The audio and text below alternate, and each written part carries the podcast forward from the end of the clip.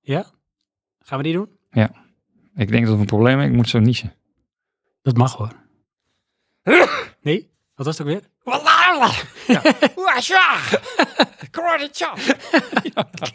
Uh, Eh, bureaublad door te slaan. Oh. Oké, daar gaat hij.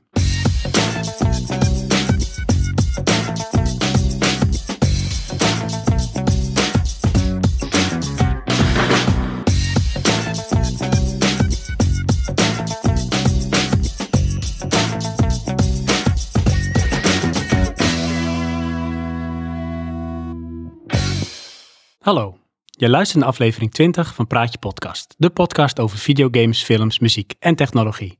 Ik ben Sven. en ik ben Johan. In deze aflevering gaan we stellingen van lezers behandelen. Maar eerst gaan we bijpraten.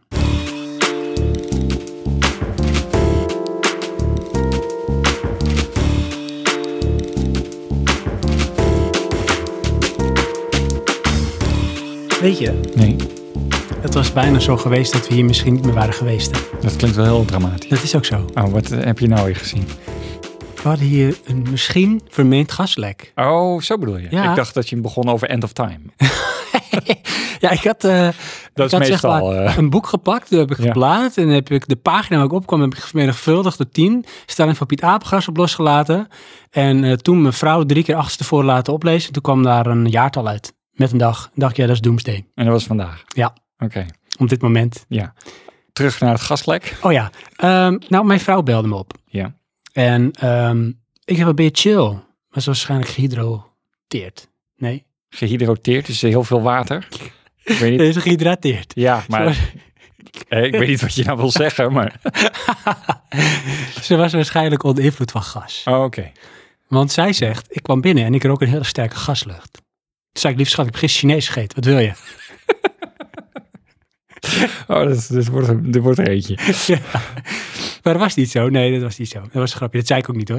Ik Nee. zei eerst van, eh, oké. Toen ging ik zo in mijn hoofd denken. Dus je vrouw Broadcom. kwam binnen en jij ook een hele sterke gaslucht. Nee, want ik was op mijn werk. Oh, Goed oké. zeg, ze belde mij op. Ja, met precies. van, ja, ik eh, stap naar binnen en ik ruik heel sterk gaslucht. Dat zei je vrouw tegen jou. Ja, dus ik zeg van, oké, nou weet je, eh, heb je in ieder geval eh, ventilatie eh, aangezet. De roosters open, zodat het kan luchten.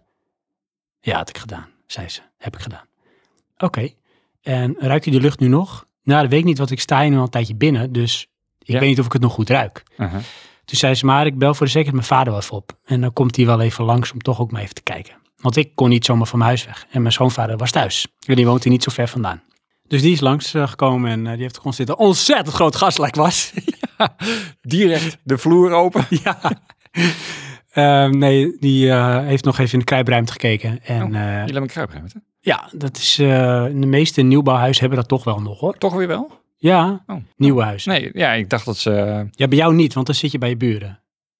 klopt. Want je Nee, woont ik in heb de een flat. ultieme kruipruimte. Bij ons kan je gewoon vanaf onder alles bekijken staan. Dat vind ik al, ja. Hoef je eigenlijk niet kruipen. Nee, het is heel makkelijk. Gewoon lopen. Ja. Maar eh, die kon niks vinden, mijn schoonvader. Dus die zei, kust is veilig. Everybody can go back inside. Nothing to see here. Aha, Please move along. Dus ehm, ja, ik weet niet wat ze geroken heeft. Oh ja, mijn schoonvader had nog wel een mogelijke verklaring. Aha, Maar die werd toch wel een beetje, zeg maar, bagatelliserend weggewoven door mijn vrouw. Oh, oké. En eh, dat was, eh Johan, probeer me iets te laten zien. Wil je nee, een aanzoek nee, doen sorry. zonder ringen? Nee. Die zei van, eh, ze zijn met de giertank bezig in de buurt. Want we wonen natuurlijk een beetje in een boerenland. Ja. Dus misschien dat je die lucht ruikt. Aha. Maar toen zei mijn vrouw, dan vind ik het apart dat ik die lucht alleen in de keuken ruik. Ja.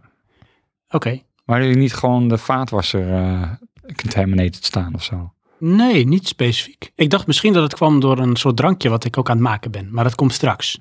En ja, dat, dat gaat fermenteren. Dus dat kan ook, kan ook iets doen. Ja, Nou, ik denk ik ik niet. zie echt solution voor de Ja, problemen. kom op, dat is het. Ja. Dus, eh, maar ehm, Ja. alles is veilig. We Oké. zitten hier en we kunnen gewoon Praatje Podcast weer opnemen. Ja. Want het is een feestelijke uitzending. Het is de twintigste. Twintigste, ja. Dat is heel leuk. Net als elke andere moeten we die vieren. Jazeker, elke Ja. keer vieren we het. Mhm. En nu ook hippie parade vlaggen hangen uit en de slingers Ja. en confetti. Ook confetti. Ja. Ehm, Johan, ja. ik heb weer iets En het is. op het gebied van praatje lifestyle. Oh ja. Dus voor een nog langer, gezonder. En je- luisteraars, Ja. hallo luisteraars, welkom trouwens. Ja. Eh, Johan kijkt echt, terwijl ik dat eh, zeg, herken je dat, dat beeld van die man, Atlas is dat volgens mij, die de aardbol op zijn rug, op zijn schouders draagt. Ja, ja. Zo. zo Daar heb ik aan zo'n te last. staan. ja, en zo, zo kijkt Johan, oh nee, Oh Wat here nu we go again.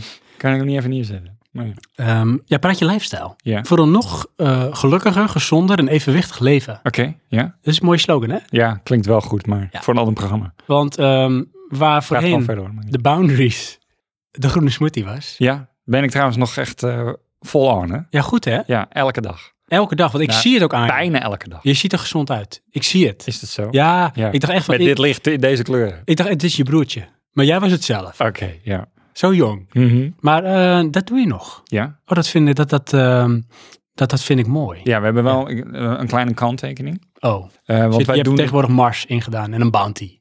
Nee. Sneakers. Ehm, sap doen we er wel in. Zo? Ja. Oké. Suderans sap, Oké. weet je wel. Nee, Met oh ja. Toch wel een toevoeging van suiker, maar goed. eh, het grappige vind ik dus, ik ben dus ook geen groentesmoothie aan het drinken. hè, Want iedereen op mijn werk heeft zoiets van, ja, oh, groentesmoothie is dat lekker dan. Maar ik drink voor mijn gevoel gewoon vruchtensap. Ja, want dat is wat je proeft. Ja. Maar toch zit er verkapt Ja. een aantal Alle grammen goed in. Mineralen en eh Ja. bouwstoffen die je dagelijkse behoeften voldoen. Ja, zeker. Goed hè? Wat wil je nog meer? Nou, Ja. dat ga ik je nu vertellen wat je nog meer wil, jongen. Want Oh, de ja. next step is dat jij aan Dat- de slag gaat. Nou, ik denk dat jij gaat vertellen waar jij mee bezig bent. Oké, dan moeten we beginnen bij het begin. Ja. Als ik zeg antibiotica, wat betekent dat dan?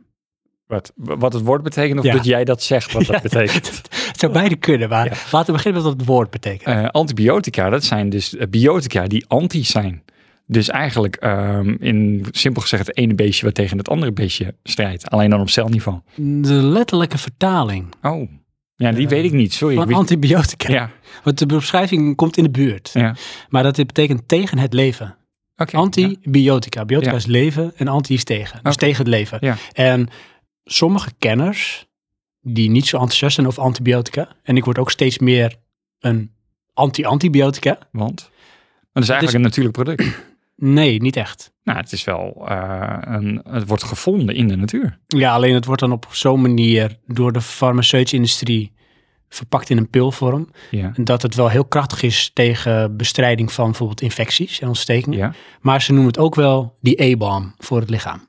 Want als je antibiotica gebruikt, Ja. dan krijgt jouw met name eh spijsverteringsstelsel zo'n optater. Het is een clean sweep. Ja. Dus je bent alles kwijt. Maar je bent ook alles kwijt. ja. Dus ook alle goede probiotica bacteriën die zich huisvesten in jouw darmen, die zijn weg. Ja. Vaporized. Ik, misschien moeten de luisteraars even pen en papier nemen om alle lifestyle termen er Oh, mee zeker. te schrijven. Ja, want dit gaat diep in hoor. Ja. We gaan weer op, zeg maar, universitair niveau en daar voorbij. Denken we. Ja. Maar? Dus een paar moeilijke, kan je nog een paar moeilijke eh, termen erin eh, gooien? proactief, eh, Oh. microbiotisch. wow, ja. Ja, lifestyle, microbiotisch. Wat heb je nog meer? Hmm. Ik wil eigenlijk zeggen homeopathisch, maar Oh, dat- Ja, ja. ja. Hmm. Hmm. Nee, Maar ik goed, zoek antibiotica. eigenlijk een- ja, dat is het. antibiotica. Ja. Ik zocht een paar mooie Latijnse termen. Oh ja, maar ik spreek geen Latijns. Nee, ik Hmm. ook niet. Maar goed, eh, antibiotica, dus tegen het leven. Alles wordt gecleansweept Ja. als je dat gebruikt. Ja. Met als gevolg dat je ook wel, zeg maar, vatbaar wordt voor ziektes. Juist daardoor. Klinkt tegenstrijdig, hè? Maar jouw, jouw lichaam, en met name dus je, je spijsverteringsstelsel, dus je darmen, et cetera. Die moeten weer helemaal aan de gang om weer een gezond evenwicht te creëren. Want Ja. in jouw darmen met name huisvesten zich ontelbaar veel bacteriën.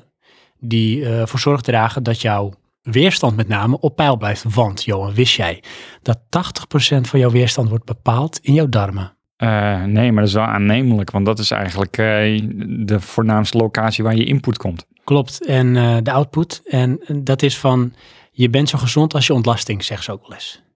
Daar kun je dus heel veel uit ontleden. Ja.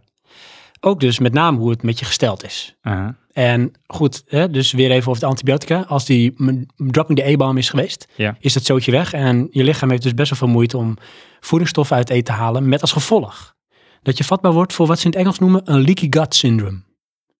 Oh, Oké. En dat betekent dus letterlijk lekkende darmen. Ja. En wat je dus krijgt zijn dus op celniveau gaten, openingen, waardoor ehm, slechte stoffen, die normaal gesproken door jouw kanaal heen gaan, je spijsvertering, eh, pij- spijsvertering, spijsvertering Ja. stelsel, die gaan dus nu door die cellen heen, door die openingen. Die komen in je lichaam en die produceren allemaal ontstekingen.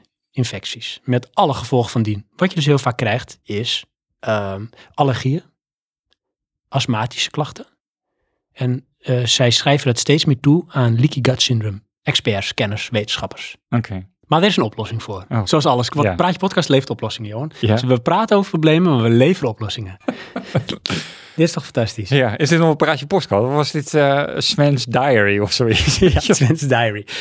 Nee, want dit is bloedserieus. Want Ah. Ja. ik ben iets nieuws op het spoor gekomen. Daar was ik al bang voor. Iets wat in de jaren 70 ontzettende rage was. Ik was eindelijk gewend aan smoothies. Ja, en de volgende stap komt hier. Want Ja. jij, Johan, gaat aan de slag met op de ontsmakelijke manier, zoals ik het nu ga omschrijven, gefermenteerde melk.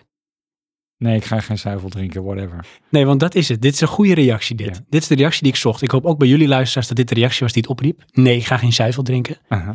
want dat is een, een misverstand. Oké. Want Dat- waar ik het over ga hebben met jullie is kefir. Wat is dit nou weer? Ja, kefir. Ik kan me nog herinneren, Ja. ehm, ooit lang geleden, toen hadden wij een eh, praatprogramma. Dat ging over games, technologie en muziek en films volgens mij. En ehm, dat heeft bijna de twintigste aflevering gehad. Oh, echt waar? Ja. Dat is wel knap. Ja, ineens abrupt einde. Ik weet niet meer waarom. Ik ook niet. Maar terug naar je K4. K3. eh, Om Makkelijk te onthouden. Ja. Ehm, ja, K4. K4. Ja, dat is de opvolger van. K3. Mhm. En eh, het is een halve hond. Want het is een K9. Oh, ja. Het is een K4. ja. Ongeveer. Eh, nee, K4. Dat of is het een eh, Am- Amson en Gert? Jeetje! Ik moet kloppen, want de deur deed... oh, de bel deed het niet. Ja, dat doe je De deur deed het niet. Maar, Ehm, ja, K4, dat, en dan moet- dan moet ik even ook even wat opzoeken erbij. Oh, Oké, dan komt het. Maar eh, kefir, dat is een, een dikke vloeibare koolzuurhoudende en licht alcoholische melkdrank. En eh, oorspronkelijk afkomstig uit de Caucasus of Tibet. Beter bekend als Sputnik. Nee, dat is een yoghurtplantje. Maar in de jaren 70 was het een, eh, een raasje. Aha. Toen had bijna elk eh, Nederlands huishouden wel zo'n eh, wekpot eh, op de keukentafel staan. Maar daar heeft wat uitleg nodig, want dit is weer upcoming. En er wordt steeds meer onderzoek naar gedaan. En dit is eigenlijk Mother Nature's probiotica. Sommigen van jullie kennen Yakult. Ja, daar doet me aan denken. Ja. Nou, en dat is ook een probiotica, afkomstig uit Japan. ja. Eh, alleen dat is natuurlijk wel een soort met, ge- ehm, eh, noem je dat, industrialiseerd principe geworden. Hè? Ja. Dus in een, in een fabriek wordt dat helemaal topnotch gemaakt, zodat alles hetzelfde smaakt. ja, maar dat is toch ook al helemaal tegengesproken. Nou, je, je kunt je afvragen wat, het effectief, wat de effectiviteit ervan is. Ja, want eh, naar mijn weten zijn er onderzoeken van waaruit bepaald is van... ehm, als je het neemt, word je er niet slechter van. Dus is het goed voor je. Maar dat goede resultaat is niet te meten. Het is lastig te meten. Ehm, dat klinkt bij weer- kefir Ja?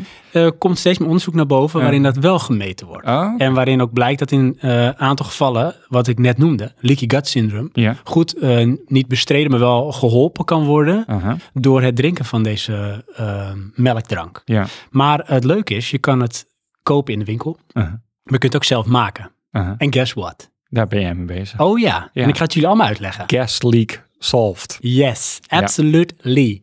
Want eh, een kef- kevirdrankje... dat Is het wordt een gemaakt- keverdrankje? Nee, een jammer. kefirdrankje wordt Ja. gemaakt door kefirkorrels. En eh, dat zijn eigenlijk melkzuurbacteriën en gisten Ja. van eh, dat yoghurtplantje, hè, wat uit de Kau- Caucasus of uit Tibet komt. En eh, dat eh, heeft een beetje een rubberige structuur en het ziet er eigenlijk nagenoeg precies uit als eh, bloemkoolroosjes. Oké. En die bacteriën, die, die korrels zoals ze dat noemen, eh, die vermenigvuldigen zich in 24 dagen. Dus dan heb je in 24 dagen heb je twee keer zoveel als waar je mee startte. Dat noemen ze ook wel je starterkit of je batch, waarmee je dus kefir maakt. Dus met kefirkorrels maak je kefir. Ja. En kefir is eigenlijk een soort karnemelk. Want karnemelk is eigenlijk ook een soort gefermenteerde drank. ja Net ik als heb dat- daar- Ja. Oké. Net als dat kaas is dat eigenlijk ook. en ja. kwark is dat ook. Ja. En dat is dus eigenlijk melk als basis. Dat fermenteer je met bacteriën. En dan krijg je een dikkere, zuurdere substantie. Dus het gaat ook gisten. Aha. En ehm, nou, daar kun je dan van alles mee doen. Ja, ja, dat is, is- ondersteunt totaal mijn theorie over karnemelk. Dat is namelijk dat eh, melkproductie mislukt was. Dat ze het maar overgegoten hebben in een roodpak. En iemand dat per ongeluk is gaan drinken. En toen dachten ze, nou weet je wat, we verkopen dit ook gewoon. en dat noemen we dan karnemelk. Met alle gezonde eh, eigenschappen van dien. Dat verhaal verzonnen we later. Ja, want in karnemelk zitten dan wel een aantal eh, probiotica. Alleen dat is wel een klein cultuur. En de kefir probiotica cultuur is heel divers, heel ruim.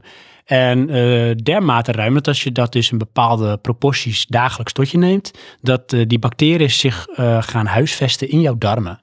En een, een positieve bijdrage leveren aan je spijsvertering.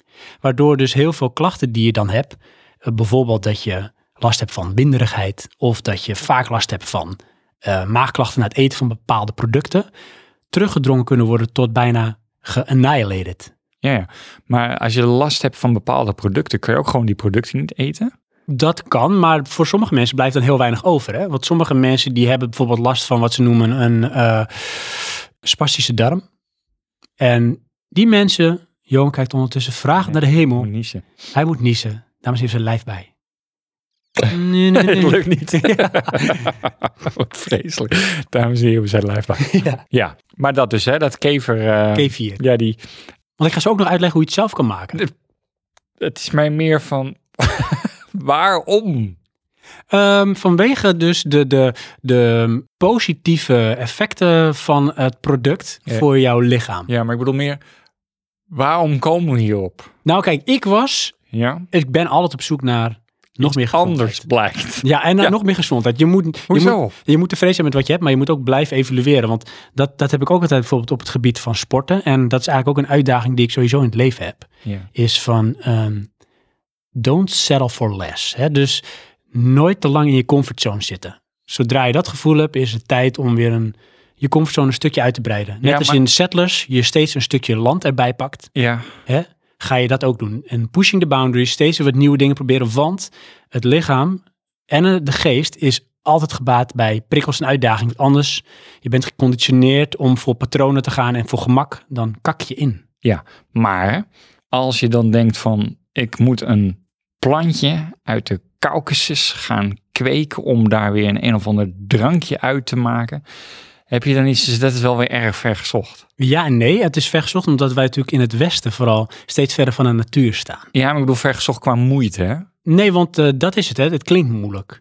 En dit is natuurlijk ontstaan in een gebied waarbij er misschien minder dingen voorhanden waren. Ja. Dus neem de mensen in de Caucasus die eh, geiten hadden.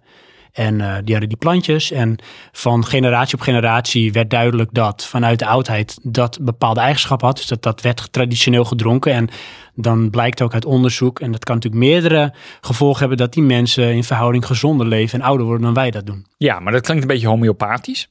Ehm, Klopt, het is, eh, het is deels te staven, maar het zal nooit echt een kausaal verband zijn in een onderzoek. in feite ga je dus iets, tenminste zoals ik het nu hoor, iets toevoegen aan je lichaam wat er eigenlijk niet hoort. Eh, ja en nee. Want je gaat daar een andere microbiocultuur kweken Ja en nee. in je darmen. Ja en nee, want dat doe je natuurlijk dagelijks hè, met wat je tot je neemt.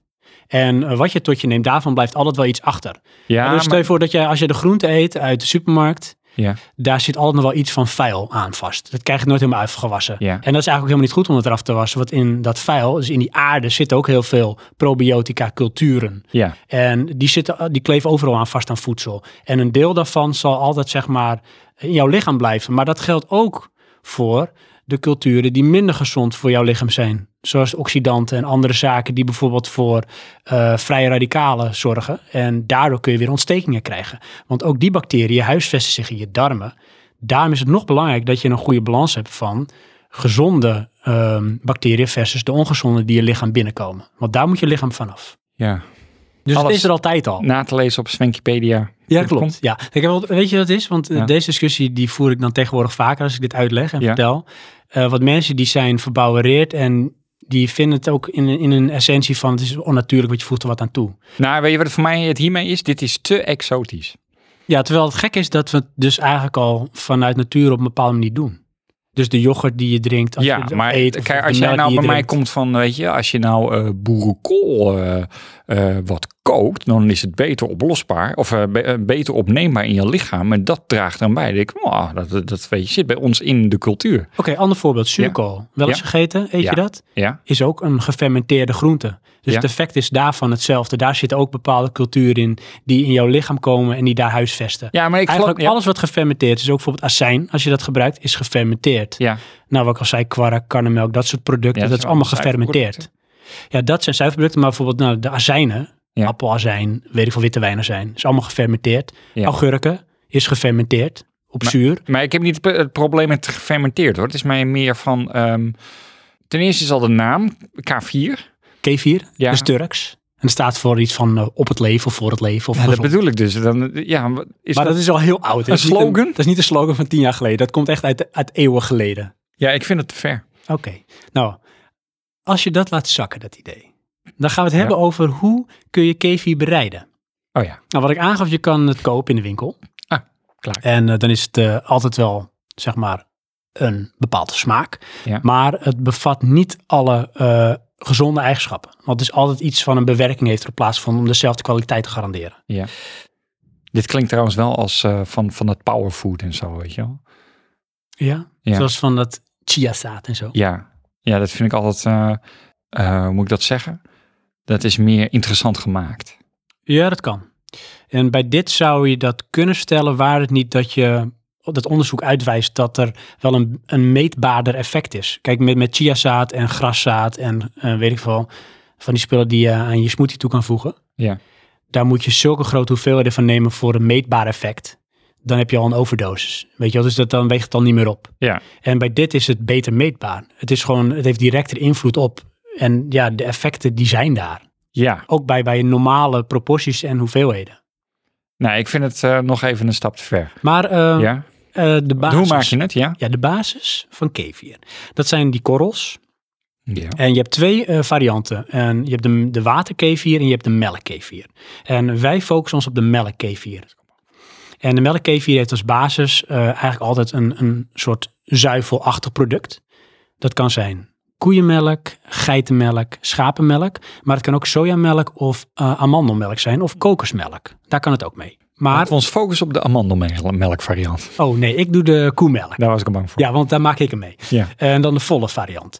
Ehm, want die kefikorrels, ik noem het al, het is een melkzuurbacterie, het is levend. Ja. En die heeft voeding nodig. Uh-huh. Nou, wat is de voeding voor, ze, voor die bacteriën? Waarschijnlijk proteïne dan. Suiker. Oh. En dat is dan de lactose in melk. Ah. Want dat is een melk-suiker iets. Oké. En ehm, die kefikorrels, die zetten dat om in ehm lactoacids, dus melkzuren, Ja. en in wei. En wei ken je Ja. wel van je wei-shakes, eiwitshakes. En wei is ook een restproduct van melk. Dat is Ja. zeg maar doorzichtige vloeistof waar je bijvoorbeeld kaas van maakt. ja, maar we, ehm, naar mijn weten is wij van eh, dierlijke wijn niet goed voor je. Nou, het is eh, lastig verteerbaar. Het is Eh. moeilijk verteerbaar, omdat eh, de verhouding van de moleculen, en dat schijnt ook met melk zo te zijn, komt niet één op één over met bijvoorbeeld moedermelk wat we zelf drinken, waardoor je lichaam meer moeite moet doen om het product af te breken. Ja, maar ik heb toen eh, zitten lezen over ehm, koolhydraatarm ook. Eigenlijk was dat meer een soort van sportdieet. En dan kreeg, kwam je bij proteïne shakes en dat soort dingen. En daar zaten ze toch van die proteïne shakes gebaseerd op eh Wij. wij. Ehm, daar wordt erg veel vraagtekens bij gesteld over de schadelijke effecten. Dat kan, als je op de lange termijn gebruikt. Ja. Maar hier heb je daar niet zoveel last van, want eh, de structuur verandert. Want daar eh, komt de kefir, de korrel om de hoek, Uh-huh. die fermenteert. En eh, dat doet hij in 24 uur. Dus wat je eigenlijk doet als je het wil maken, zoals ik het zelf maak, is eh, je hebt die korrels nodig. Die Ja. kun je online bestellen of die krijg je van vrienden of kennissen. Want zo ging het vroeger ook altijd al. En Oké. het is ook dus een rage Het geweest in de klinkt jaren echt 70. heel clandestien, klinkt dit. Ja, en... ehm, maar Moet je het- betalen met bitcoin of niet? Nee. Oh. nee, ik heb dus gekregen van eh, buren van eh, vrienden van ons. Ja, die ken En, je iemand? eh, nou, hij, die jongen, bij hun eh, is het al heel lang in de familie. Uh-huh. Dus hij heeft het van zijn eh, opa en oma. En zijn ouders dronken het, zij dronken het en nu drinken zij het en hun kinderen. Ja. En die korrels die ik van hun heb gekregen, die stammen dus ook af van die cultuur. Dus die korrels, Ja. in dit geval, van zijn ouders en zijn ouders van zijn ouders. En die mensen werden allemaal 300 jaar oud. Ja, die zijn echt serieus heel lang gezond gebleven. En Oké. voor mij zijn opa en oma leven nog, die zijn kerngezond. Maar goed, daar kan ook andere effecten eh, aan de grondslag liggen. hè. Ja. Goede genen, daar Ja. doe je niet zoveel aan. Ja, want als ze 300 jaar eh, waren... Want ik hoor ook van, ja, hij heeft altijd gerookt en hij werd 110, dus ik kan ook roken. Dat soort dingen. Dus dat zegt Dat ook zijn de niet zoveel. Ja. Maar goed, je kan ook zeggen dat mensen die bewust bezig zijn met hun lichaam en gezondheid vaak gezonder oud worden. Omdat ze daar bewust mee bezig bent. Dat kan. Ja. Kan effect zijn. Anyways, Ja. ik heb die korrels. Ja, En ehm, wat ik eh, heb is een wekpot. Want die heb je nodig. tuurlijk. Je hebt een eh, kunststof zeef nodig. En je hebt een plastic spatel nodig. Waarom nou weer want een kunststof kefir zeef? mag niet met metaal in aanraking komen. Dit is een soort regel à la eh, Kremlins. Als het met methaan aanraking komt, Wat wel. dan, gaat het, eh, dan gaat, wordt het beschadigd, die bacterie. En dan Ja. kan het doodgaan. Ah. Oké. Want het is een levend eh, organisme. Ja, Maar goed, anyways, je hebt die wekpot. Daar smijt je dus eh, ongeveer 100 gram kefikorrels in. dat klinkt toch ook raar, weet je. En daar doe je dus Plastic een zou factor, dan goed zijn. ja, een factor 10 Ja. eh, aan melk bij. Dus dan doe je een liter melk op 100 gram kefikorrels. Die wekpot doe je dicht en die bewaar je op kamertemperatuur op een donkere ruimte. Bijvoorbeeld in je keukenkastje, zoals ik dat doe. Mhm. Naast gaslek. Haha, dat zou kunnen. 24 uur later, dan pak je die pot weer uit je keukenkastje. Ja. En dan zie je dat ehm, de melk geklonterd is en bovendrijft en de wei eronder vloeibaar. Dus Ja. het is een soort van gaan ontleden. Ja. En die kevikorrels die gedijen daar heel goed in, want die hebben zo'n beetje alle lactose opgegeten en omgezet in lactoacid, in melkzuur. Daarbij eh, verandert dus de structuur van die melk. Met als gevolg dat bijvoorbeeld ook mensen die minder lactose tolerant zijn tot lactose intolerant, Ja. die kunnen het ook drinken. Want het heeft niet meer de melkstructuur. Want de lactose is nagenoeg allemaal opgegeten door die bacterie. Ja. Wat je overhoudt is dus een probiotica die bordevol vitamine, mineralen en eh melkzuurbacteriën eh gedijt. En omdat het gaat gisten, want het is een gistingsproces, krijg je ook een lichte koolzuurhoudend sprankelend smaakje. Ik moet er wel bij zeggen, het kan 0,1 tot 2 procent alcohol bevatten. Want Aha. het fermenteert, het gist. Ja. Nou, na die 24 uur, deksel open, hoor je ook een plof. Pff, want koolzuur ontsnapt. Ja. Dan smijt je dat zootje leeg door jouw zeefie, je kunststof zeef, met onder een bak. En eh, dan kun je dus gaan, eh, Nee, in de afvoer. dan kun je gaan schrapen met je spatel. En dan ga Ja. je net zo lang roeren totdat je die korrels weer overhoudt. En alle melk, dus alle kefir in dit geval, die is er doorheen gecijpeld met de wei, die vermengt zich in die bak daaronder. En die kefikorrels, die doe je weer terug in je wekpot. Je doet er weer melk bij en het proces eh, start zich weer van A tot Z. En dat kun je oneindig blijven doen. En zolang je dus die bacteriën voeding geeft, in dit geval de melk en de suikers daarin, de lactose, dan vermenigvuldigt zich dat in, vier, eh, in 14 dagen. Dus heb je in één keer 200 gram. En dan kun je het gaan splitsen. Kun je het gaan afschrapen en dan kun je nieuwe batches maken, dat je meer kan maken. Of je kan het weggeven. Je kan het opeten, want het is ook wel heel gezond. En je kan het ook eh, droog en invriezen. En dat heb ik nu gedaan met batches die ik overhoud. Oké. Die vries ik dan in voor als ik die later nog eens wil gebruiken. Ja. Ik heb twee vragen. Oké. Maar ik ben nog niet klaar met het proces. Oh. Ik maak het heel snel even af. Ehm, wat je dus in die bak hebt, dat kun je nog een keer door die filter gooien, door die zeef, zodat je misschien wat klontjes eruit haalt die je weer schraapt. En dan heb je een mooie, dikkere emulsie. Je kunt het dan qua structuur vergelijken met yoghurt. Zo dik is het. Daar was ik al bang. En het heeft diezelfde frisse smaak, alleen er zit dus een soort bubbeltje aan. En als je dan dagelijks zo'n 250 ehm, milliliter daarvan drinkt, en je houdt dat dus wel minimaal een periode van negen weken vol, dan ga je echt significante veranderingen merken. Sowieso je stoelgang gaat veranderen. Je Dat merkt dat lijkt je me logisch. nagenoeg eh, weinig tot geen last meer hebt van je darmen. Met praktisch met wat je ook eet. Want Had, had ik die daar worden, last van zo, dan? die worden zo, zeg maar, sterk, je ingewanden, je darmen. Ja. Die kunnen veel meer hebben, kunnen Sorry. veel meer handelen. Eh, was het negen dagen of negen weken? Negen weken. Ja, precies.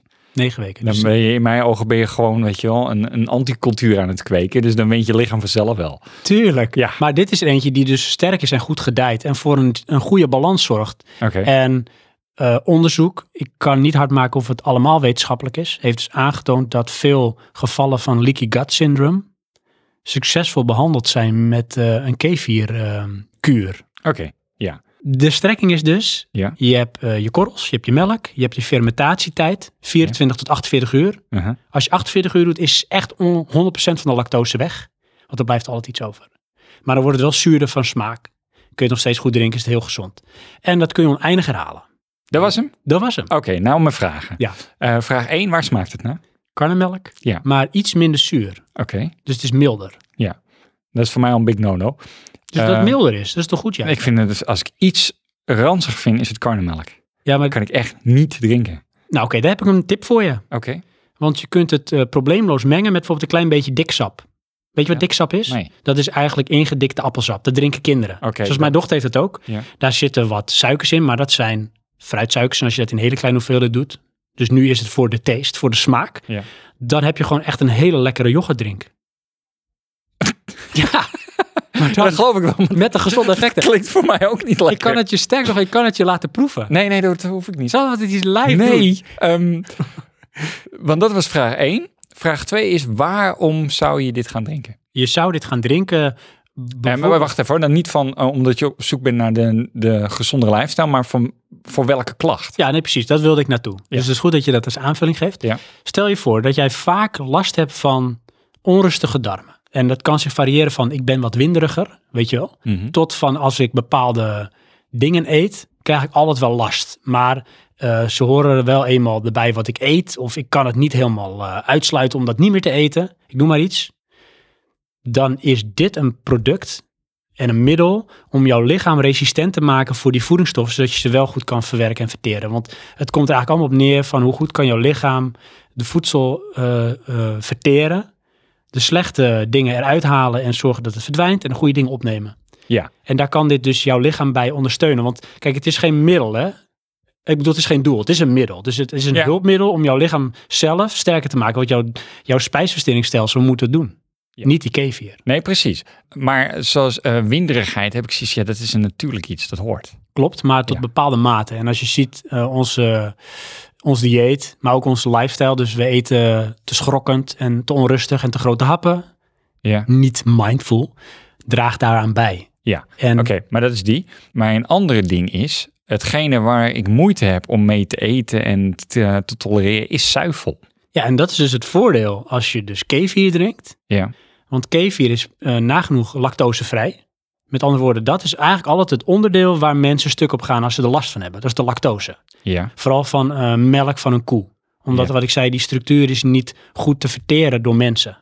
ja, maar mijn punt is, als ik nou weer veel meer zuivel ga drinken, dan kan ik daar ook wel weer tegen.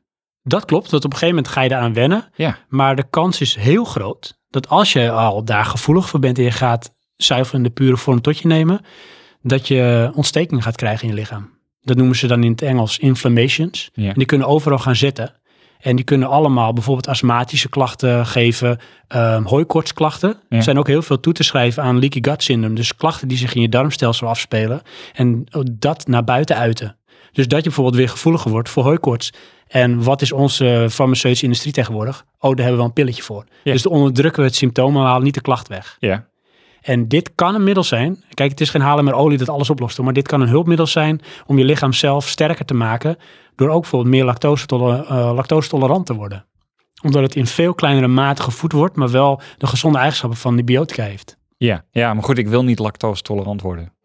Oh, je wil het niet. Nee, want ik, ik wil geen lactose. Nee, maar je hoeft dus ook niet lactose tot je te nemen. Ja, Maar de klachten die daarbij komen verdwijnen wel. Die misschien ook eh, naar voren komen bij het nuttigen van andere voedingsstoffen. Hmm. Zonder dat je het door hebt. Want Ja. je voelt wat je voelt. En als je niet anders gewend bent, is dat wat het is. nee. Nou kijk, hoe ik dit zou benaderen is eh, eigenlijk een beetje met eh, hoe ik eh, het koolhydraatarm benader. Het is iets om te proberen. Zo moet je het ook, eh, zo moet je het ook proberen. Ja. Want eh, je hebt. ehm, Van je hebt een bepaald gevoel, iets van het zit niet helemaal lekker. En dan is dit een optie. klopt. Kijk, en dan moet je wel realistisch zijn. Ja. Ga het dan niet een week proberen en zeg het werkt niet. Ja, Ja, maar negen weken is wel heel lang hoor. maar weet je, kijk, een veranderingstraject Ja. gaat ook over zo lang. Weet je, het lichaam kan niet sneller aanpassen dan dat. Nee, oké, maar ik Dus je zou- kunt ook niet Ja. rushen. Dat is wat je doet. Als je een pilletje neemt, dropping die bam, bam, probleem weg. Maar je creëert weer tien nieuwe problemen. Ja, maar eh, ik kan me herinneren dat wij met ons groentesmoothie verhaal, Mhm. dat is volgens mij nog niet eens negen weken geleden. Dat kan. Nee, dat is wel negen weken. Zeker negen Ja? weken geleden. Ja, 100%. Alleen, Ja, maar ik we hadden toen probeer gezegd, even. probeer het twee weken. Smoothie Of maar een twee maand. weken? Zei ik toen, zei ik, Ja, probeer ik, het een maand. nou, ik ben altijd van 28 dagen. Want eh, binnen 28 dagen ben ik van mijn verslaving af. Nou, dus dat is een, goeie, een goed begin. En ik denk ook dat bij dit zou dat ook stelregels zijn. Doe het 28 dagen, dan wordt het namelijk waarschijnlijk een gewoonte. Oh ja, dat zal best nog. En dan moet je het eigenlijk nog wel doorzetten tot die negen weken om meetbaar effect te krijgen. Mm. Maar wat meet je dan? Nou, je meet vooral afname van klachten. En toename van bijvoorbeeld dat je je gezonder, beter, prettiger voelt. Ja. Dus het is ook een beetje een subjectieve waarneming. ja, want dat laatste vind ik niet echt een meting. Dat vind ik een ervaring. Klopt. En het En kan dat- ook deels placebo zijn. Hè? Dus Ja. dat iets met je doet omdat je er iets mee doet. Ja. Maar Dus je voelt je er goed bij. Klopt, en dat zal bijdragen. Maar 100% zeker, als je dus een controlegroep neemt en eentje die het weet dat hij het krijgt, je gaat die effecten meten als je kefir drinkt. Gegarandeerd. Eh, je kunt dit bestellen op Ja, www.sven nou, voor Kefir. ik zal je wel vertellen, want Of K voor Sven. kefir is is, het gewoon. ook de joy of sharing. Er Ja. zijn Facebookgroepen waarbij je zegt van, hé, hey, ik wil ook wel zo'n ehm, starter badge met die culturen, zodat ik zelf kefir kan maken. Nou, ik kweek ze nu dus. Hè? Ja. Dus mocht jij luisteren en je denkt van dit vind ik leuk, ik wil ook kefir. Dan kun je een mailtje sturen naar info apenstaartje praatjepodcast.nl. En dan kan ik ervoor zorgen dat je ook een starterkit, een badge krijgt. Met natuurlijk wel de insteek dat je er serieus wat mee gaat doen. Oké. Nou, ehm, einde Praatje Podcast. Welkom Praatje Lifestyle. Ehm, heb ik nog iets over voedsel, fruit of zo? Ehm, Je drinkt nog wel je groentesmoothies, Ja. zei je. ik heb eh, ook... eh, Met jouw vrouw ook. eh, als het goed is, doet hij mee, ja. Eh, Die spuugt als je nu... Elke keer als je Nee, nee, ik ben er kijkt. niet bij, dus ik weet het niet. Maar ehm, nee, ik haal dat wel vol. Dat, dit, dit kan ik ook wel oneindig volhouden. Oké, dit is nu echt een gewoonte geworden. Ja, het is mijn eh, derde pauzedrankje. En voel je je er Van ook werk. anders bij? Of is het meer van, nou, het is leuk om te doen? Het schaadt niet of zo. Nou, eigenlijk heb ik hier al een slechte invulling aan. Bij mij wordt het een beetje de excuusdrank. Want dan kun je dat drinken, het is toch wel lekker. Nee, het is van, eh, ik heb toch al mijn groenten binnen. Dit is klaar. Oh, Ah, dan eten we wel dat gewoon. maar dat is wel een beetje zo. Ja, maar dat is toch niet de bedoeling? Nee, nee, het moet geen vervanging zijn van een gezonde lifestyle. Maar dat is met niks. Dus je moet Ja. ook gewoon gezond blijven leven. Klopt. Maar het Dus niet toch zeggen, dan ga wel ik de hele dag pizza eten. Want nu heb ik toch al mijn groentesmoothie op. Nou, maar dat, dat, eh, daar, dat leunt er wel tegenaan. Weet je, niet dat ik de hele dag pizza eet, maar wel van, ja, ik heb mijn groente al op, weet je, het maakt niet zoveel uit. Ja, Dus ja. Hmm. Ja. Ja. ja, zie wat je kweekt, Sven. nou ja, eh, nu kefir. Ja, nee, Kweek ik? nee, die gaat niet worden. Je Ehm, weet het nooit. Misschien. Mijn bijpraten. Hmm. Ik heb koffers gemaakt. Ga je op reis? Nee. Oh, Eigenlijk, eh, ja, het zijn dan koffers, maar in principe is het gewoon om eh, spullen op te slaan. Ik heb er eentje gemaakt voor mijn eh, camera's.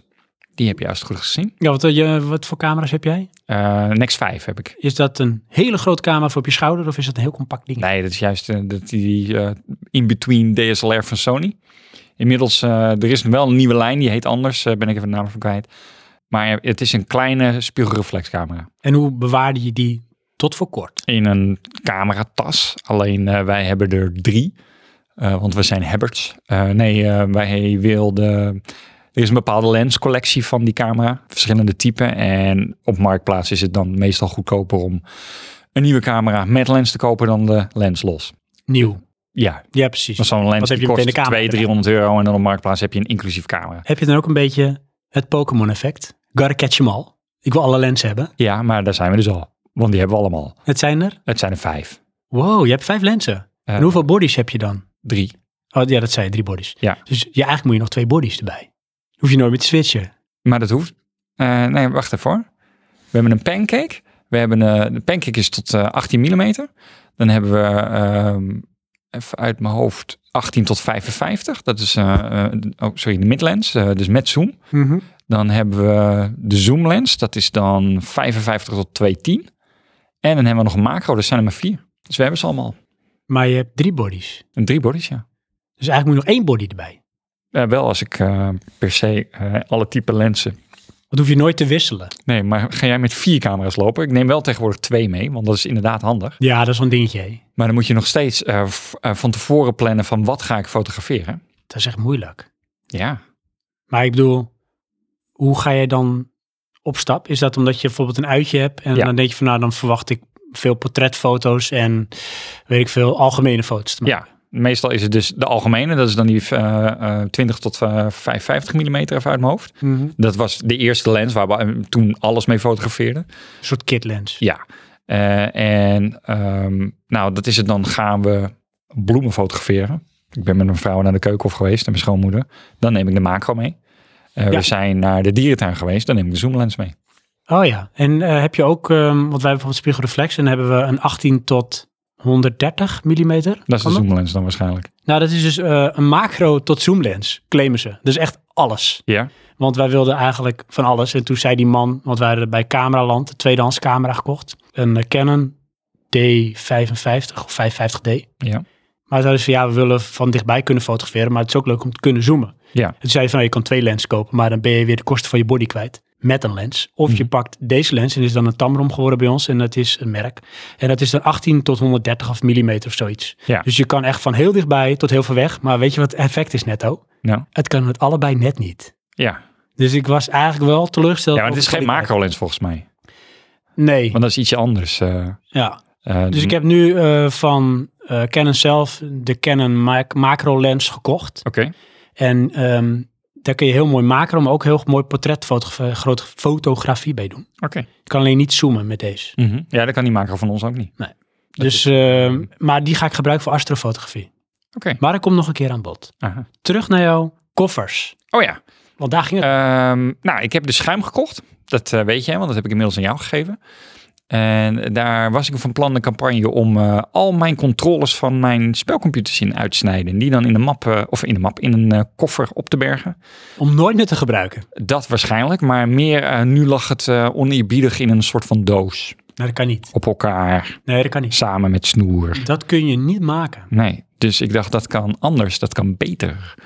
Nou, toen had ik al één koffer gekocht om dat te proberen. Maar daar kwam ik niet helemaal uit. Dus toen heb ik toch eerst maar die camera's gedaan. Toen ben ik eh, malletjes gaan maken. v- Eigenlijk gaan printen van al die controllers. Dat ik eh, eh, foto's omgezet naar eh, lijntekeningen. Die eh, op schaal uitgeprint. Die allemaal uitgeknipt. Daarmee uitgezet op schuim. Dat overgetrokken zodat ik een, een snijlijn had. En dat wilde ik dan gaan uitzagen snijden. Dit klinkt echt eigenlijk van het hele proces, wat ze bij How It's Made, hoe ze dat laten zien. Inderdaad, met het, eh, het probleem dat het eindresultaat niet mooi was. Maar de weg er naartoe was fantastisch. Nou ja, daar was ik veel tijd mee kwijt vooral. Maar ehm, dat schuim was zo dik, of is zo dik, dat het heel moeilijk te snijden is. Met als resultaat dat het kartelig wordt. En dat vond ik dus niet mooi. Eh, uiteindelijk heb ik dus nog zo'n koffer gekocht en heb ik de vrije ruimte ingedeeld met plukschuim. En Oké. dat zijn eh, voorgesneden blokjes die je er dan van ongeveer eh, anderhalf vierkante centimeter, die pluk je, pluk je er dan één voor één uit. En daarmee maak je de vorm van het object wat je Klinkt wilt als een soort mozaïekspel wat je vroeger had. Dat je Mm. van die eh, dingetjes kon drukken, van die soorten met kraaltjesachtige dingen. En dan kon je een heel patroon maken. Ja, nou, zoiets eh, zal het zijn. Maar is dat niet een soort monnikenwerk om dat eruit te pulken? Ja. Of kan je grof te werk gaan? Nou, juist, ik dan juist niet, want ik wil zoveel mogelijk in die ene koffer. Weet je hoe het eruit ziet dan even in mijn hoofd? Van eh, je kan kiezen als je grof te werk gaat, heb je gewoon 16 bit. Maar als je echt heel nauwkeurig te werk gaat, heb je 4K. Oh ja, nee, dat wilde ik juist, maar dat kan dus niet. Het is gewoon altijd 16-bit. Je moet alleen, ehm, als je gewoon in één keer trekt, dan trek je dus eh 8-bit in één keer uit. Weet je wel, dat moet je dus niet doen. Nee, dat is eh, een, een, een klusje waar je even geduld voor moet hebben. Heb je dat? Ja, dan wel. Is het ook voor jou, om weer even terug te haken op de vorige aflevering, een soort ASMR-effect? Wat is ASMR? Dat je in die soort trance raakt. Van, ah, prikkeld. Wel lekker. Klopt, ja.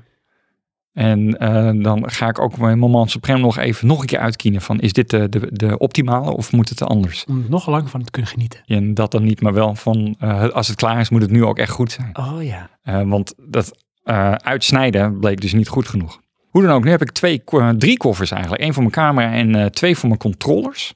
Eentje is de con- PlayStation controller collectie. Daar zit PlayStation 1, 2 en 3 in. Eh, die andere is ehm, mijn Move en ehm, hoe heet dat? Ehm, SingStar.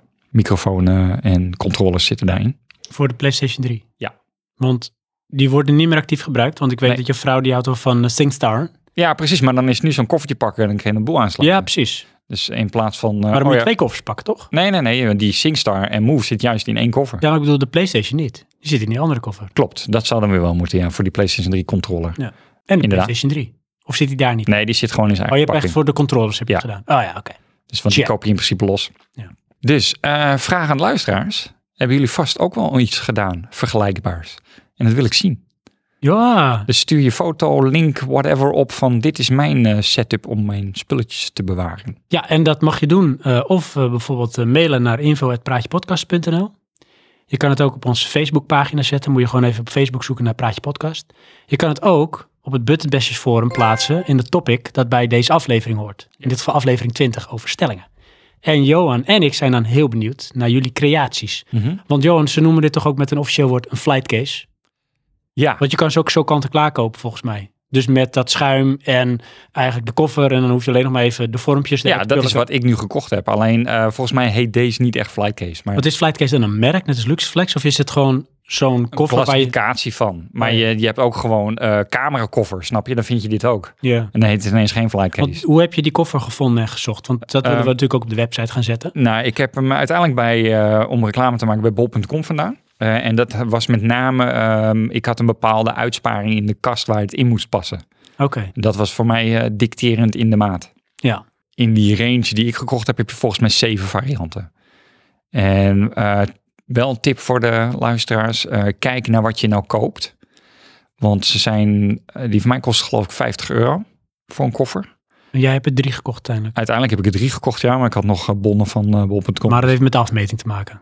Ja, maar je kan dus goedkoop, eh, heb ik ook gevonden, denk ik, oh, dat is maar 20 euro. Maar dan koop je dus iets wat kleiner is als een A4'tje. Dus- Ja, maar dat is inderdaad, dat is een goede tip. Want ik heb wel in het begin, want ik heb ook zulke soort koffers dan Habi Dabi gemaakt voor onze apparatuur van Praatje Podcast. Ja. En ik had precies hetzelfde. Ik denk, nou, nou heb ik hem te pakken. Goede Ja. koffer. En Mooi ik dacht goedkoop. inderdaad van, ja, weet je, er past niet eens een dopje van een flesje drink in. Nee, is precies. hij vol. weet je wel. Ik had ook zoiets van, nou, dit gaat hem worden. En dan, oh, dat, dat, hé, maar dat is net één controller. Ja, Weet je ja wel, het dus zit heel daar klein. kan ik niks mee. Een rotkoffertje. Ja, nou goed, eh, voor, eh, weet ik veel, lensjes of zo zou het misschien anders zijn. Maar Ja. eh, in dit geval niet. Nee. Dus, hè, mocht je nou een, eh, een eh, pro-tip hebben naar ons toe, horen we graag.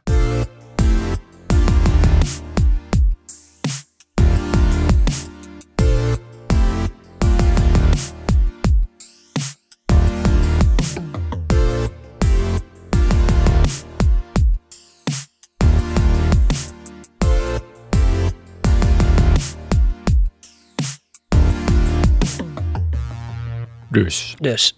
Dat was Sean Connery weer. Sean. Sean. Mhm, mhm. Eh, Johan, Ja, Crazy weet je- Ivan. Oh, sorry. wat zei je? Crazy Ivan. Oh, ja. Eh, wij weten nu hoe wij dus ehm, melkculturen kunnen kweken, gisten en floreren. Ja, schijnbaar. We weten ook hoe je een vliegkoffer kan maken Ja, voor de hard way bedoel je. de hard way. Ja. Voor, ehm, voor je controllers. Ja. We delen dat met onze eh, luisteraars. Het is aflevering 20, dus toch een beetje een feestje. Ja, altijd. En daarom delen wij nog meer met de luisteraars door Oh. hun wat te vragen. ja. met ons te delen. Dat hebben we gevraagd. Jazeker. Ja. En we hebben input gekregen. Oh, gelukkig. Oh ja, en dat is de input in die zin van geef ons een stelling en wij gaan erover in discussie. Ja. Hoe absurd die stelling ook is. Het mag uit een van onze rubrieken, videogames, films, muziek en technologie. Oh, je hebt ook gewoon die vrijheid gegeven. Oh ja, maar het mag ook daarbuiten. Lifestyle, Daar was ik filosofie, bang pannenkoekenbakken. Wat jij wil, voor. Dat verklaart. Ja, gaan het erover hebben. oké.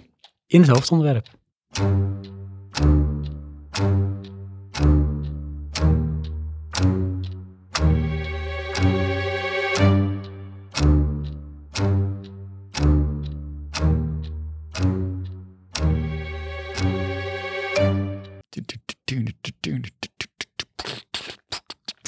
We hoeven niet eens muziek te maken, die maken we zelf. Ja. Live. Ik Mhm. zou je wel vertellen, hè? nog een heel klein zijstapje. Oké. Zodat we echt induiken op de stellingen. Ja.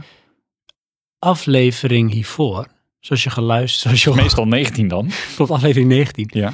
kon ik het toch niet laten om weer iets meer muziek ertussen te doen. Oh. Ja, Oh. old habits die hard. Ja. Ja. Terwijl dat dus echt gewoon de klacht was. De klachten, klachten. Maar ik denk dat mensen dit toch wel kunnen appreciëren. hoor. Ja. Ja. En anders Ja. horen we vast wel in de Ehm, volgende speaking stelling. of, mijn broertje vond het juist wel leuk met die muziek ertussen. Ja, die, die miste het weer. Nou, die is nog niet zo'n trouwe luisteraar, maar... Maar die vond die muziek ertussen leuk. Ja, die had ze. Ja, maar het is niet echt alleen maar praten.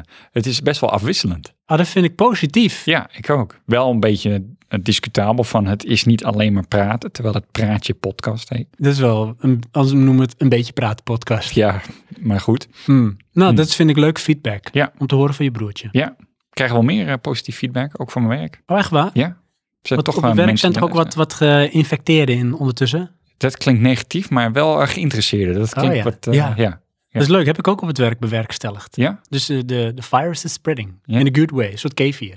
Eh, Nee. nee. niet als dat, dat kever. Eh, Net als in aflevering 12, Johan. Zoals je nog wel weet. Johan, ik heb Ja. echt vol ongeloof. Maar aflevering 12 was het Ja. Big in America. weet en ik. dat soort dingen, maar ook Ja. stellingen. Ja. Dag voor gisteren. Ja, toen gingen wij dus eh, de stellingen van luisteraars behandelen. Mhm. Fantastische stellingen hadden Ja. we toen. Weet je, onder andere over een soort e-sports of dat er gaat komen. Ja. Binnen zoveel Met op de Olympische VR dan of Spelen. zo, hè? ja. En ehm, of eh, het eh, makkelijker is om met weinig te leven dan heel veel tot je te nemen of zo. Oh wat ja, meer dat was energie wel een kost. hele... Filosofische. Ja. En ook andere dingen van, eh, volgens mij iets gamen, eh, de- als je ook een, een, een relatie hebt. Die, nee, dat heb ik geblokkeerd. Oké, sorry. nou dat soort vragen Mm. Ja. revu- eh, passeer de revue. En dat leverde hele leuke discussies op. Ook eentje over de superhelden was hetzelfde lot beschoren als de cowboyfilms. En eh, Ja. stelling was toen, strekking, strekking was toen ook dat ik een beetje... Sorry, maar heb jij je mobiel aan? ja, sorry. De strekking was dat ik een beetje superheldenmoe werd, weet je wel. Oh ja, jij ja. Ja. Ja, speaking eh, op dat. Ik, ik kijk nu weer gewoon... Ik heb voor mijn verjaardag eh, al bijna alle films op Blu-ray gekregen. En ik ben ze gewoon weer allemaal aan het kijken. En weet je wat ik dan ook echt heb? Van, Hm. Ja, dit is echt wel goed in elkaar. Oh ja? Ik heb daar steeds meer respect voor. Oké. En dan omdat het... eh, Voor de superheldenfilms. ja, weet je, het, het zijn ehm, geen filosofische films. Maar ze weten dan toch weer een, eh, eh, op kleine manieren wendingen te geven aan de dingen die ze standaard doen in dat soort films. En dat doe je vooral op de Marvel... eh, Nou, van hoe het verteld wordt wel. Want die films gaan ze vaak vertellen wat er gebeurt. Nou, dat doen ze in die Marvel-films dus ook. Maar dan toch vaak ehm, geïntegreerd in de film. Om een voorbeeld te geven. In die Avengers eh, sluit hij op een gegeven moment... eh, hoe heet die eh, Loki op in, die, in, die, eh, in de, dat ruimteschip wil ik zeggen, maar in dat vliegtuig, in die eh, container. ja. En dan zit hij van, eh, mocht je het niet begrijpen, hè, dan laat, ga- doet hij de deur eh, open en eh, van dat luik waar hij uit kan vallen. ehm, En poet. Maar in dat moment eh, vertelt hij dus eigenlijk aan ons wat er in die situatie gebeurt. Oh ja. Maar in de film legt hij het uit aan het personage. ja. En dan heb ik dus, dus is een integrale, nog steeds Slim. vertelling, maar wel, het hoort bij het verhaal. Ja. Dus- En jij begrijpt het als kijker. ja. En het is onderdeel van de narrative met de personages Ja, die daar precies. En dan denk ik, ja, dat is toch wel slim. zijn. Ja. Dat is, ehm, ja, weet je, het is wel hetzelfde, maar op een bepaald niveau. Als we dit zelf zouden verpakken in een stelling, wat was de stelling nou geweest? Ehm, superheldenfilms zijn next level. Wow. Oké, cool. Nou, dan hebben we die behandeld. Ja. Ingezonden door Johan. Maar Bij wij deze. hebben meer, hè? Ja, nee, Mhm. we hebben ondertussen- onze luisteraars. Ja, dat bedoel ik. Ja, dat moet ik Oké. zeggen. Ons luistert meer. Want Johan, jij bent echt, jij bent echt bezig geweest, jongen. Een soort met, hoe noem je dat? Punneken voor gevorderden. Ja, hobbydrama. Hobbydrama, want jij bent lo- wezen knippen. Kijk, Uh-huh. we hebben mijn, mijn coole hoed, mijn cap. En daar zitten alle, alle stellingen in die wij vanavond kunnen behandelen. Maar we gaan ze niet allemaal behandelen, hè, want daar hebben we de tijd simpelweg niet voor. Nee. We gaan weer blind eh, graaien om de beurt.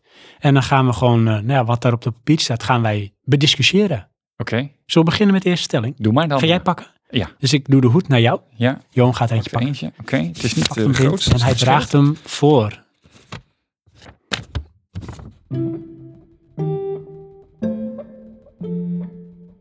Fysieke games verzamelen is eigenlijk zinloos geworden. De versie van de game die op disk staat is al achterhaald voordat die in de schapper ligt. Welke game heeft geen day one patch tegenwoordig? Zelfs Game of the Year editions zijn niet meer de definitive versie. Gallius.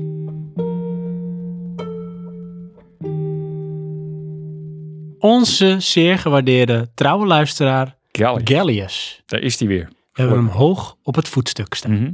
Ja, Ja. wat, wat, wat, eh, wat vind jij daarvan? Van deze stelling. Ten eerste, ben je het ermee eens? Eh, dit vind ik inmiddels een hele moeilijke.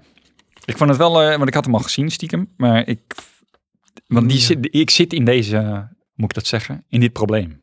Ja, Eh, want wat is het nou? Waarom verzamel je dit? fysiek. Ja. Je verzamelt fysiek omdat je dan iets in handen hebt en het is tastbaar en het is van jou. Ja, maar is dat het? Of is het ook omdat je er een bepaalde waarde aan hecht? Dat is. eh, En dan bedoel ik die waarde, die verwacht je dat die later zich terugkoppelt. nee, nee, nee. Ja, Zoals een collectors item. Ja en nee. Er zullen mensen zijn die op die manier met die spullen omgaan. Ja. Met de hoop het eh, meer waarde, of dat het later meer waardevol is en er iets voor terug te kunnen krijgen.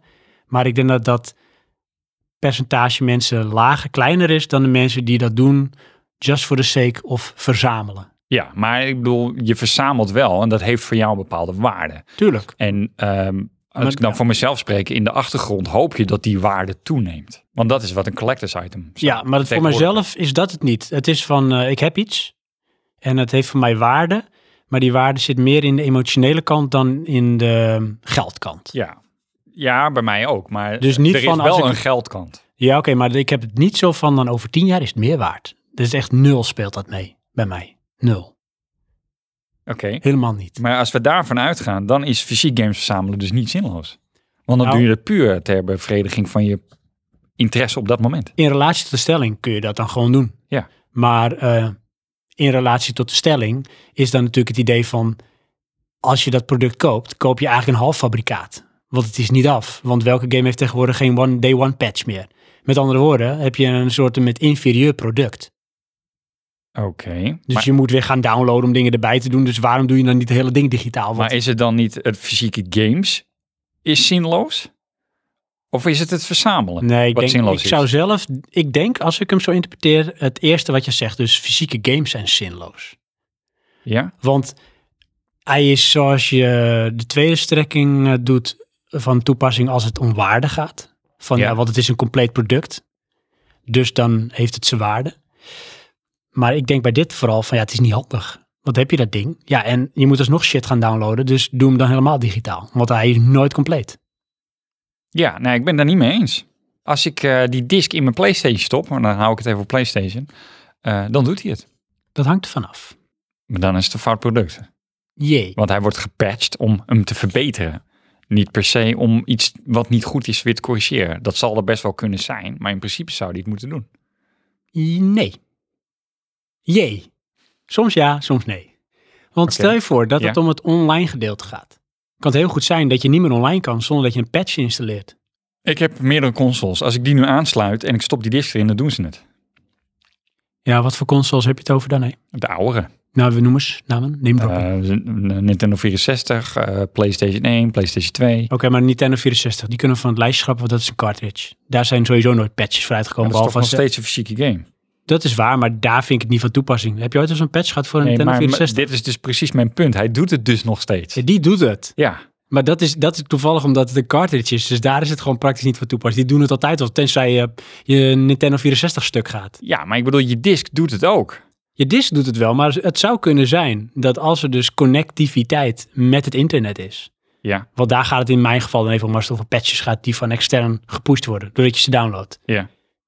Dan heb je een hele grote kans dat op het moment dat je die disk erin doet, dat je PlayStation zegt, eh, eh, eerst patch downloaden, anders kun je hem niet spelen. En ik weet niet wat hij doet, hypothetisch gesproken, als je dus je PlayStation nooit op het internet hebt. En je doet die disk erin, ja, dan weet ik zeker dat je die game single player dan in ieder geval, wat je installeert, kun je spelen. ja. Dat klopt. Maar dat is voor mij de reden om een fysieke game te kopen. Oké, dan zou het... eh, Ik zie je dan in de relatie van als mijn harde schijf vol is of iets mee is. Snap, stel eh, ik heb die PlayStation 3, die harde schijf gaat stuk. Over tien jaar. Dan zou ik die harde schijf misschien wel kunnen veranderen, want dat is dus nog maar de vraag. Maar goed, stel dat dat wel kan, dan kan ik met die disc nog steeds spelen. Ja, zeker. Terwijl die game kan ik niet meer downloaden. Waarom niet? Omdat ik niet verwacht dat een Sony dat zo lang gaat ondersteunen. Op die manier. Ja, dat is waar. Dat is waar. Dus in dat opzicht, als je, laat ik zeggen even, de versie of het basisproduct wat ze op dat moment hadden uitgegeven, wil blijven kunnen spelen, ja, dan is de fysieke schijf is wel handig. Ja. Maar kans is wel groot dat als er day one patches zijn geweest of aanvullende patches vanwege problemen die later geconstateerd worden, Ja, die heb je dan. dat je dus wel een inferieur product hebt. Ja. Maar hij doet het nog wel. Kijk, want ik bedoel, als je zo'n cartridge koopt, eh, koopt en, eh, van eh, vroeger en daar zit een probleem in, ja, dat gingen ze niet patchen. Dat- Nee, dat klopt. Maar ik denk wel, hè, want daar heb ik wel eens over nalopen denken. hè.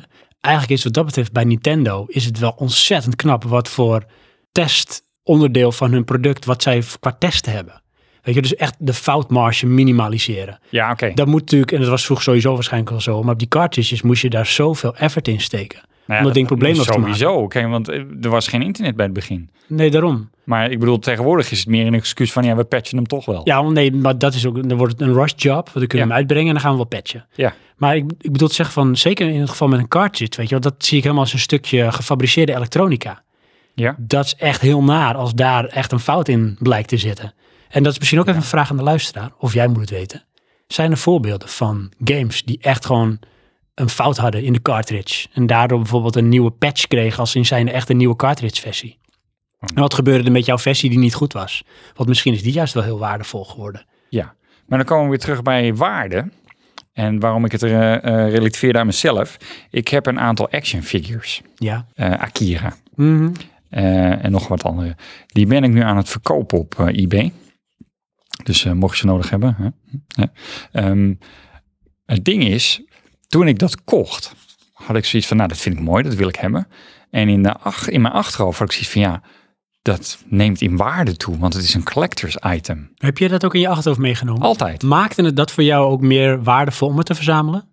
Dat in je achterhoofd? In een zin denk ik dan wel, ja. Want dat heb ik dus nooit gehad, ook niet met die action figures. Oh ja, Nooit. ja.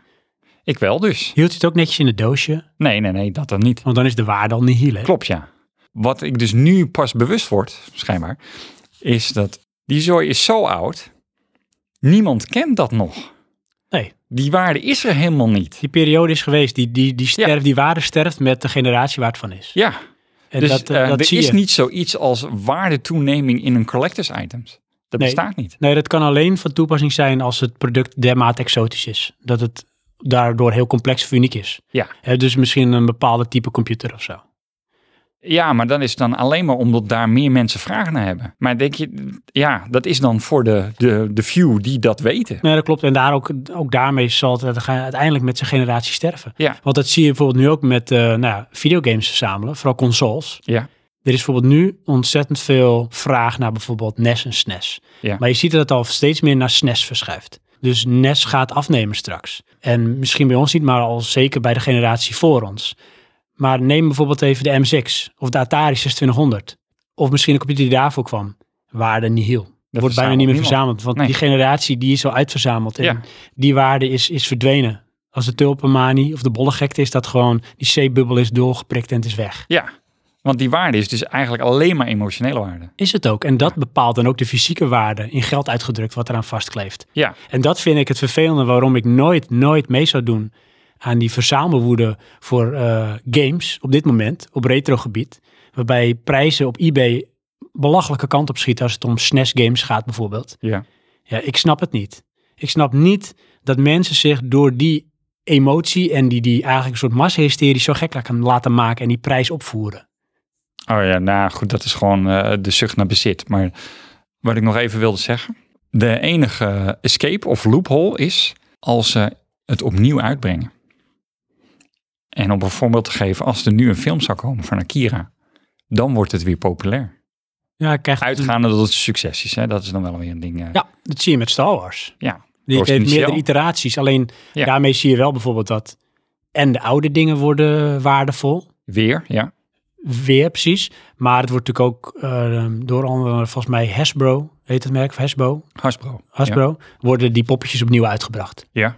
In misschien iets simpeler gefabriceerde vorm, maar ze worden weer uitgebracht. Ja. Maar En het zijn wel nieuwe. Ja, maar die zullen misschien op termijn dan ook weer voor die generatie weer de waardevolle dingen worden. Ja, maar het grappige is dus, ik heb dus ook zitten zoeken ook naar die Star Wars. En dan heb je dus eh, schijnbaar eh, een een of andere dude die wel gemaakt is, maar op het laatst toch nog maar even uitgebracht. Dat poppetje hebben wij ook. Die gaat voor 600 dollar op eBay. Dat is belachelijk. Ja, Dat vind ik echt belachelijk. en dan wel mint. En wij hebben hem natuurlijk niet mint. Maar dan heb ik echt zoiets van, dan heb je dus een character die eigenlijk eh, in Europa uitgebracht is. Want hij is niet in Amerika uitgebracht. En dat hebben ze gedaan om hem toch nog maar in de markt te zetten, want de verkoop ging stoppen. En daar is nu zoveel waarde aan gekoppeld. Ja. Dus je hebt eigenlijk een soort van B-product wat niet Nou, uitgebracht had moeten worden. Dat bedoelde ik bijvoorbeeld met die cartridge van een eh, Nintendo. Ja, als daar bijvoorbeeld echt een fout in zat en mensen gingen massaal dat ding weer terugsturen of die mochten hem omruilen voor een goeie. Ja. En de Lucky Few die dan zeg maar het B-product hebben bewaard, misschien waardoor die exclusiever is, ja, heeft misschien ook daar meer waarde door. Maar ja. het slaat nergens op. En ook Ah, dat ja. sterft dan weer uiteindelijk met Dat de is generatie. gewoon eh, de waarde die koppelt aan materialisme. Maar dat is wel apart, hè? want eh, waarde en eh, de hoogte daarvan is soms ook door bijvoorbeeld ehm, voorradigheid bepaald. Ja. Weet je, wel, er is niet zoveel meer van, Ja. ook in bepaalde condities niet. Ja, Maar het verdwijnt als de rage weg is of de behoefte. ja. Maar bijvoorbeeld met edelmetaal is dat niet zo. Zoals goud. Ja, maar er is een grotere behoefte, dat is het ding. Maar dat blijft, is dat tijdloos. Op een of andere manier. Ja. Kijk, de aarde heeft bijvoorbeeld maar zoveel goud en dan stop je Ja. is stop. Dus dat is bijvoorbeeld waardevol, want het is eh, misschien beperkt. Ja, Maar het is nooit dat ze op een gegeven moment zeggen, ja, ik ben wel uitgekeken hoor, op dat goud. Pff, nee, daar kan je er te veel mee doen.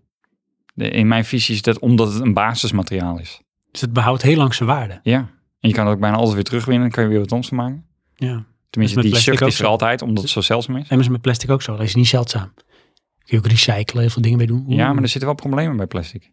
Om dat eh, naar een hoger niveau te brengen, moet je enorm veel energie erin pompen. Oké, ja. Meestal is het eh, downgrade je plastic. Ja, dan wordt het minder. Ja, en in de laatste stadia dan steek je het in de fik en haal je de energie er nog uit. En dat is het. Ja. Dat Je noemen moet we goud dan, niet zo eh, snel doen. Nee, want dat, ja, ehm, dat probeer je dan altijd weer terug te winnen. En het zou zomaar kunnen zijn, hè, maar daarna stop ik met deze filosofische hypothese. Dat een product wat ontzettend voorradig is hier, of een grondstof bij ons, Ja. koolstof, nou dat is wel een heel slecht voorbeeld. Steenkool, noem maar even iets. weet ik Ja. veel. Het kan een planeet zijn waarin dat, zeg maar, het goud is van die planeet. Ja, maar Doe dan het is zo. het water. Water.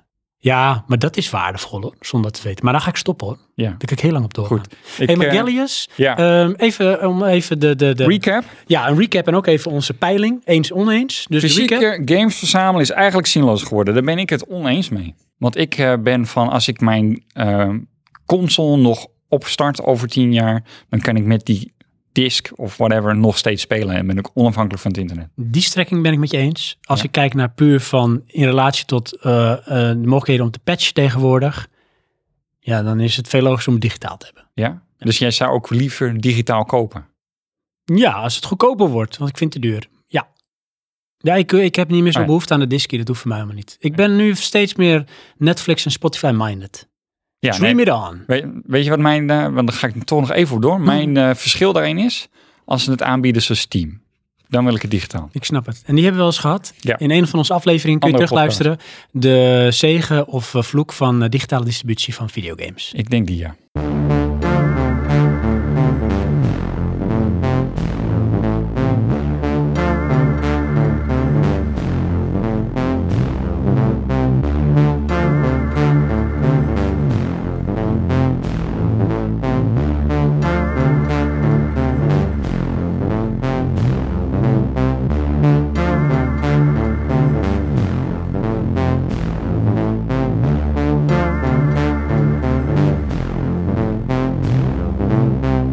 Ehm, gaan we door naar de volgende, Sven. Jij mag Gaan eentje. door. Oh, Nou. Dan moet ik even schudden zo. Oh, Johan gaat schudden in de cap. In de, ja. Hey, leuk hè?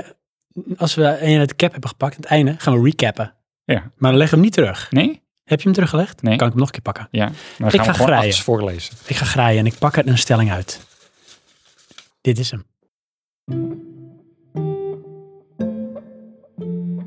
Mensen die nu retro games kopen zijn hartstikke gek, want de bubbel gaat eerdaags knappen. Toe Ja. Jam. Inderdaad. Nou, bedankt Toadjam. Ehm, maar dit vind ik een ander. Want dit suggereert een bubbel. Ja. Maar is dat dan een bubbel van... ehm, er is waarde gekoppeld die niet... eh, ehm, of er is waarde gemaakt die niet gekoppeld wordt aan eh, het materialistische equivalent? Ja, dat. Ja. Ja, dat weet ik zeker. Dat maar is het is per definitie emotionele waarde. Per definitie. Ja. En er wordt wel bijvoorbeeld schaarste gecreëerd. Ja. bewust of onbewust, waardoor er bijvoorbeeld minder van een product aanwezig is, waardoor het duurder is, omdat er minder van is. Maar ook omdat mensen bijvoorbeeld tactiek inzetten om dat eh, schaarser te maken door groter op te kopen.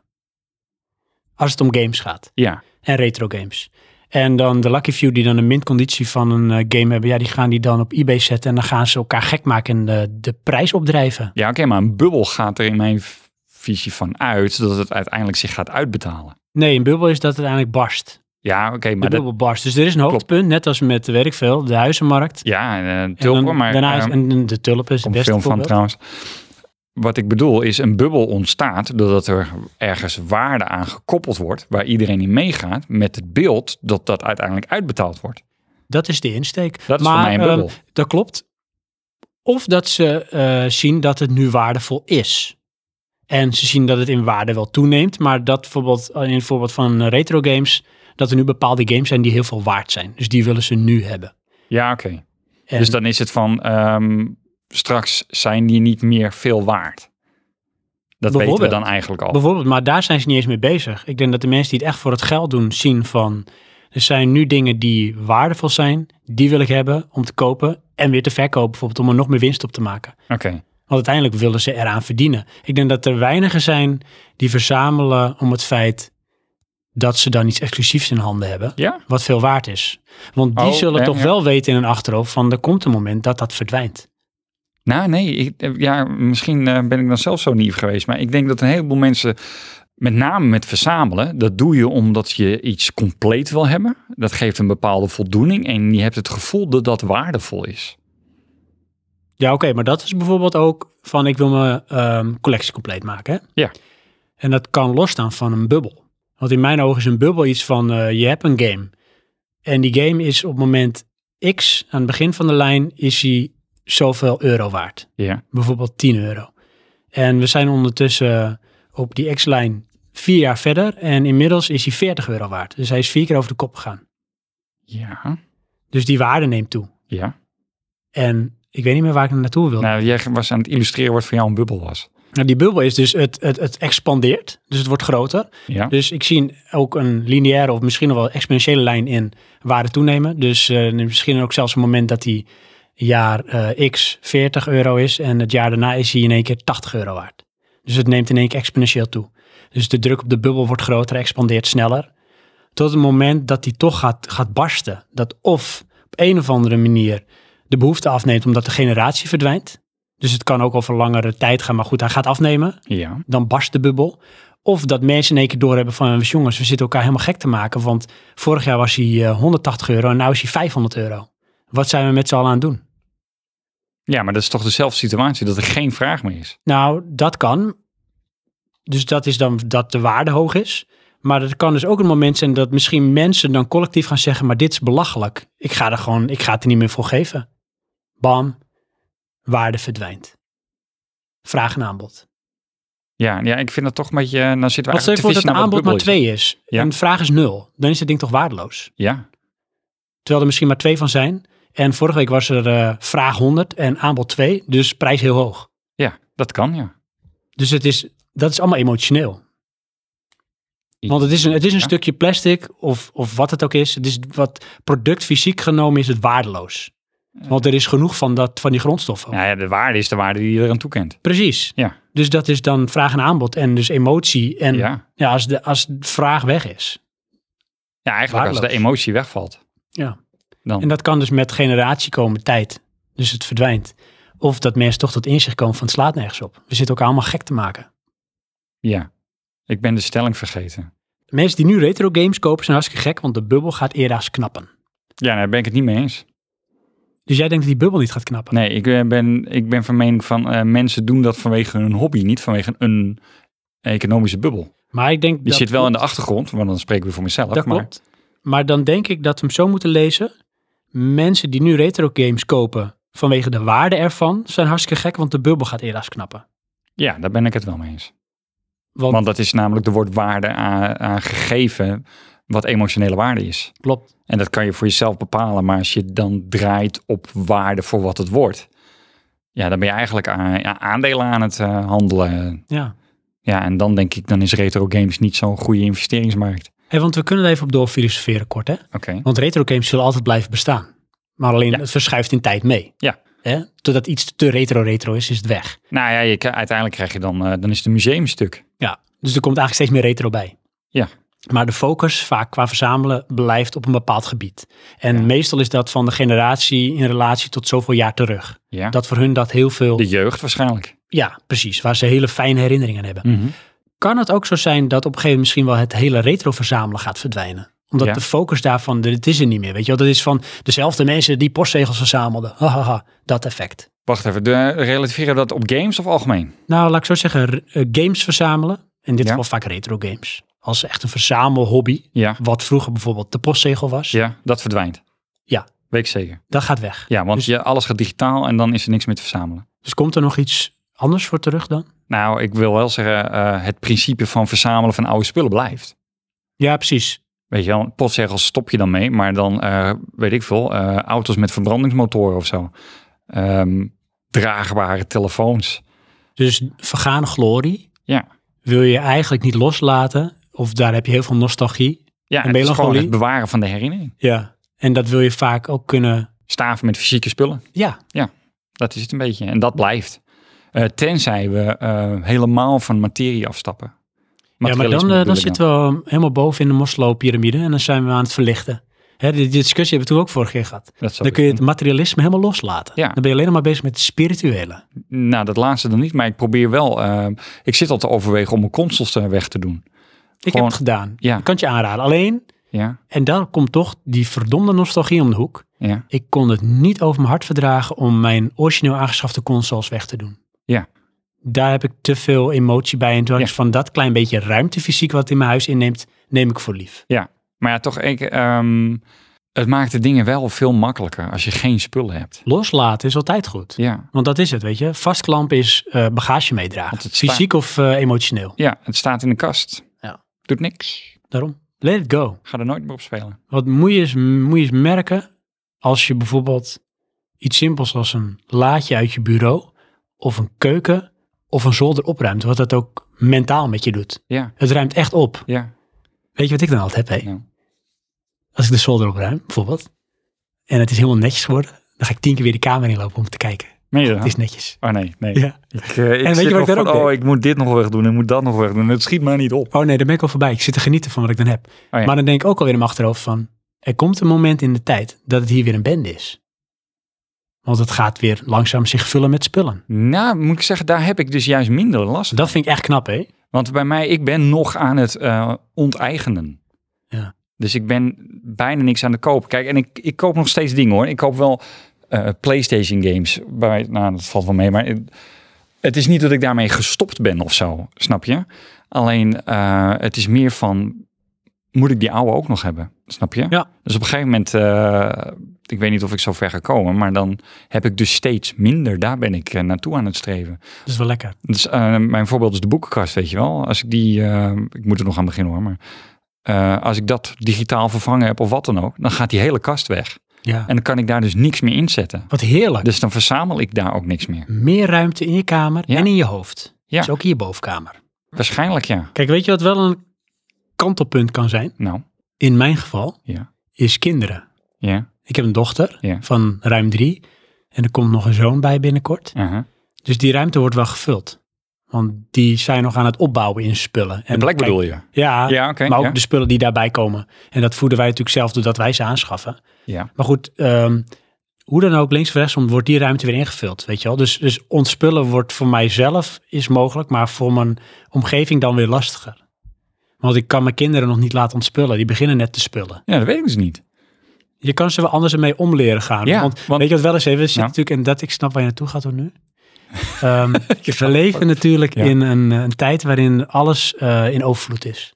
Want eh, om maar weer even een cliché uit de kast te trekken. Vroeger hadden wij niet zoveel speelgoed. En Nou. dat is ook echt zo. Dat is ook echt zo. Ja, van is het zo? alles, Ja, van alles wat je nu koopt in de winkel, had je vroeger misschien twee varianten, nu heb je er tien. Ja, oké, maar wat ik eigenlijk eh, naartoe wilde, eh, want je ging het zelf invullen, heel jammer. Mhm. Ehm, is jou geleerd om afstand te doen van spullen? Van thuis uit bedoel je? Ja. Ja en nee. is jou geleerd van oké, je gaat nu dit verzamelen, dan moet dat weg. Eh, ja en nee. Dus ik had altijd de vrijheid om te doen, Ja. daarin wat ik wilde. Maar als je mijn ouders een beetje kent, zijn die nogal van het opruimen Ja. en het schoonhouden. Daarom Dus die dat hadden vroeg wel ik me zoiets van, links iets in, rechts er iets uit. af. Ja, en mijn. Want eh, er kan niet meer bij dan dat erin gaat of dat er weggaat, want dan wordt het te vol. Dus dan gingen ze of mijn ouders het wel opruimen, hè, maar niet Ja. geforceerd, maar die, die stimuleren daar dan wel in. Ja, maar kan je dat herinneren van dat je ergens ah, afscheid of afstand van hebt moeten nemen?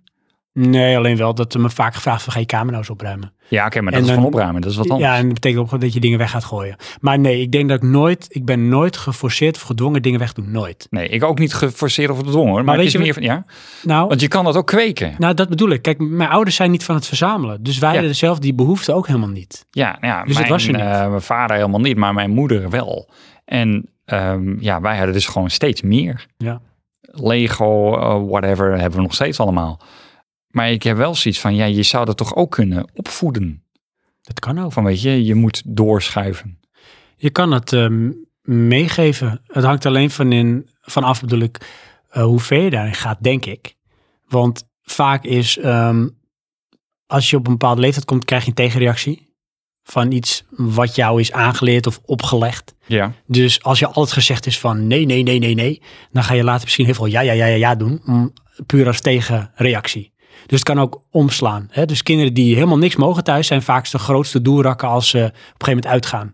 Of vriendjes krijgen en rottige dingen gaan doen. Want die worden thuis zo kort gehouden. Ze moeten zichzelf ergens kunnen ontladen en uiten. Dus dat kan vaak een averechts effect hebben. Dus als Ja. je altijd ontzegd is om te mogen verzamelen, is de kans groot dat je dat dan juist wil gaan doen. Ja, ehm, oké, maar dan, dan ben je aan het verbieden. Ik bedoel meer in de zin van, ehm, je kan natuurlijk mensen en dus ook kinderen kweken op een bepaalde filosofie. Ja, en dat is meer om misschien niet te zeggen van ehm, je moet niet meer verzamelen dan dat je nodig hebt of zo. Want Ja. dat is niet een gegeven wat je mee kan geven, maar wel inderdaad van als je ouders dat vanuit zichzelf al bijna niet doen. Ja, Of dat. opruimerig zijn. Maar je kan toch ook brengen van dit is de ruimte die er is. ja, maar daarin dan moet ben je je het het al, doen. denk ik, voor een kind. Als je het over kind hebt en opvoeden. Wat duik we een hoek in. Ja. Maar ik denk dat je dan te concreet wordt voor het besef van een kind. Is dus dat een, zo? Ja, ik denk dat een kind daar niet zoveel mee kan. Die kan wel snappen van ja, dit is zoveel ruimte. Maar goed, als ik in de speelgoedwinkel ga, daar zijn er honderd. Waarom heb ik ze hier niet? Dat is de logica van een kind. Dus die ziet niet van die speelgoedruimte is ook veel groter dan dit huis. Dus als je dan in fysieke ruimtes en oppervlaktes zou gaan denken en uitleggen. Ik denk dat je dan niet goed doordringt tot een kind. Maar als jij een kind kan bijbrengen doordat hij dat ervaart van zijn ouders. Van nou ja, er zijn hier niet zoveel spullen. En ik zie bijvoorbeeld dat er ook heel veel wordt weggegeven, noem maar even iets. Dan ga ik dat als gewoon ervaren. Dus zal ik dat sneller later ook doen? Of zal ik dat als algemeen geaccepteerd beschouwen? Ja, ik weet het niet. Ja, als het zo klinkt, dan, eh, dan dat kan je niet sturen. Ik denk niet dat je het eh, te concreet kan maken. Dus de lead by example, denk ik, is van geef maar het goede voorbeeld.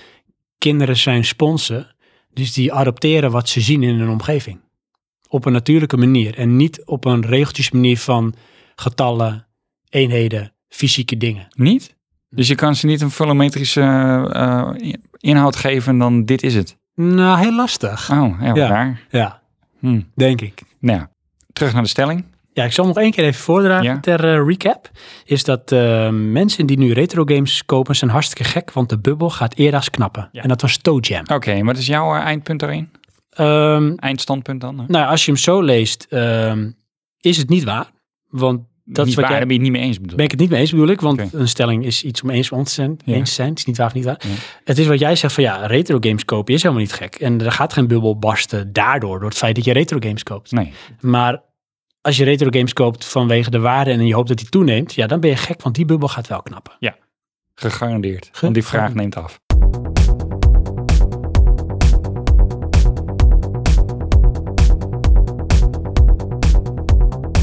Johan, we gaan, eh, we gaan vo- eh, verder, want we gaan lekker. We gaan al naar de derde Ja, stelling. we dwalen wel heel erg af hè, in onze filosofische ehm, reflecties op de stelling. Ja, we zijn een beetje in een bui, denk ik. Dat zou kunnen.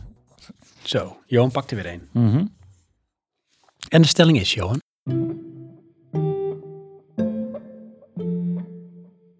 In plaats van de aarde te proberen te behouden, moeten we vol inzetten op ruimtevaart en maken dat we hier wegkomen zolang het nog kan. Toe Jam. Er is weer Toadjam. Weer Toe Jam. Het is niet omdat het Johan is. Nee. Maar gewoon puur omdat hij... Mhm. Ja, hij heeft gewoon een stelling ingezonden. Inderdaad, meerdere. En er was geen limiet. Nee, dus dankjewel. Het grappige is, ehm, een collega van mij deelt deze mening. Ook dacht, die Of heeft ook stelling. Toadjam. Nee, die heet eh, misschien wel in Gameland, dat weet ik dan even niet. Maar ehm, Dus Nee. nog één keer even de stelling. Ja. Eh, in plaats van de aarde te proberen te behouden, moeten we vol inzetten op ruimtevaart en maken dat we hier wegkomen zolang het nog kan. Ik krijg echt een soort interstellar. Exodus. Oh ja, Complete Exodus. weet je. Dat is dus ook in de Bijbel ergens voorgekomen waarschijnlijk. Klopt, ja, maar dat is dan eh, het eh, tweede boek. Ehm, ja. Ja. Ehm, wat, Dus- vind, wat vind jij ervan? ja, ik denk dat het niet gaat gebeuren. Het gaat niet gebeuren. Nee. Ja, lekker pessimistisch is dit. Ja? Kijk, eh, Niet in jouw lifetime waarschijnlijk. dat eh, sowieso niet. Eh, India die wil als eerste mens eh, op eh, Mars zetten. Nou, dat is binnen ons stelsel. Ehm, wanneer de zon opbrandt, eh, moeten we hier al lang weg zijn. Ik eh, zie het probleem, eh, het grootste probleem voor dat is onszelf. Oké. Maar even praktisch nu. hè. Ja. Laten we even naar de getallen kijken. Oké, En hoe ontwikkelingen lopen. ja, Is dat het is een aanloop. Technologische ontwikkeling. ja, En dan hoop je ergens dat het een katalysator krijgt, waardoor die lijn steeds minder lineair en steeds exponentiëler wordt. Minder tijd en meer ontwikkeling. ja, Dan zou het toch zo kunnen zijn in de lifetime die de zon nog heeft. Want die zit volgens mij nu op de helft ongeveer van zijn leven. ja. Dat we nog redelijk wat tijd hebben om te verzorgen dat, als wij er dan nog zijn, door andere omstandigheden, maar dat we dan genoeg technologie ontwikkeld hebben om verder te kunnen komen. Ja, maar dat is nou net het punt. Want Ja, die laten we even ontwikkellijn die, die, die zet zich uit, maar eh, de mensheid, populatie zet zich ook uit. Ja, dus dat is wat jij bedoelt. dat Dus, eh, creëert zoveel conflict. Ja, dus we hebben op zich nog wel genoeg tijd qua van de zon brandt nog zoveel jaren. Ja. Dat is het probleem niet, maar wij zijn zelf het probleem. Ja, wij zijn straks met te veel. Dat zijn we nu al, vind ik. Maar de natuur vindt altijd een weg. En aangezien wij er gewoon, ook al plaatsen we ons daar constant buiten, zelf onderdeel van die natuur zijn, dan zijn wij ook in staat om ons probleem zelf op te lossen. En daar bedoel ik mee te zeggen dat als zijnde bijvoorbeeld een ziekte dat uitbreekt, is er altijd een soort met natural cure. Dus te veel mensen betekent een onbalans en dat lost zichzelf op door in één keer massale uitsterfte. Door een alles, alles overheersende en vernietigende oorlog. Ja, dat gaan we krijgen. En- Conflict. Dan hou je weer een klein deel over en dan kan het weer rustig uitdijen. Ja, maar dat, ehm, de meeste samenlevingen, die, eh, de oude beschavingen die niet meer zijn, die hebben ook hun eh, eh, technologie verloren. Ja, en er eh, floreren dan weer nieuwe beschavingen. Ja, En zeg maar, maar die beginnen Over de meestal weer lijst- vanaf scratch. ja oké, maar op de lifespan van het universum is dat marginaal wat ze aan inhaalslag te doen hebben. En dan zie je vaak dat ze altijd weer hoger opraken.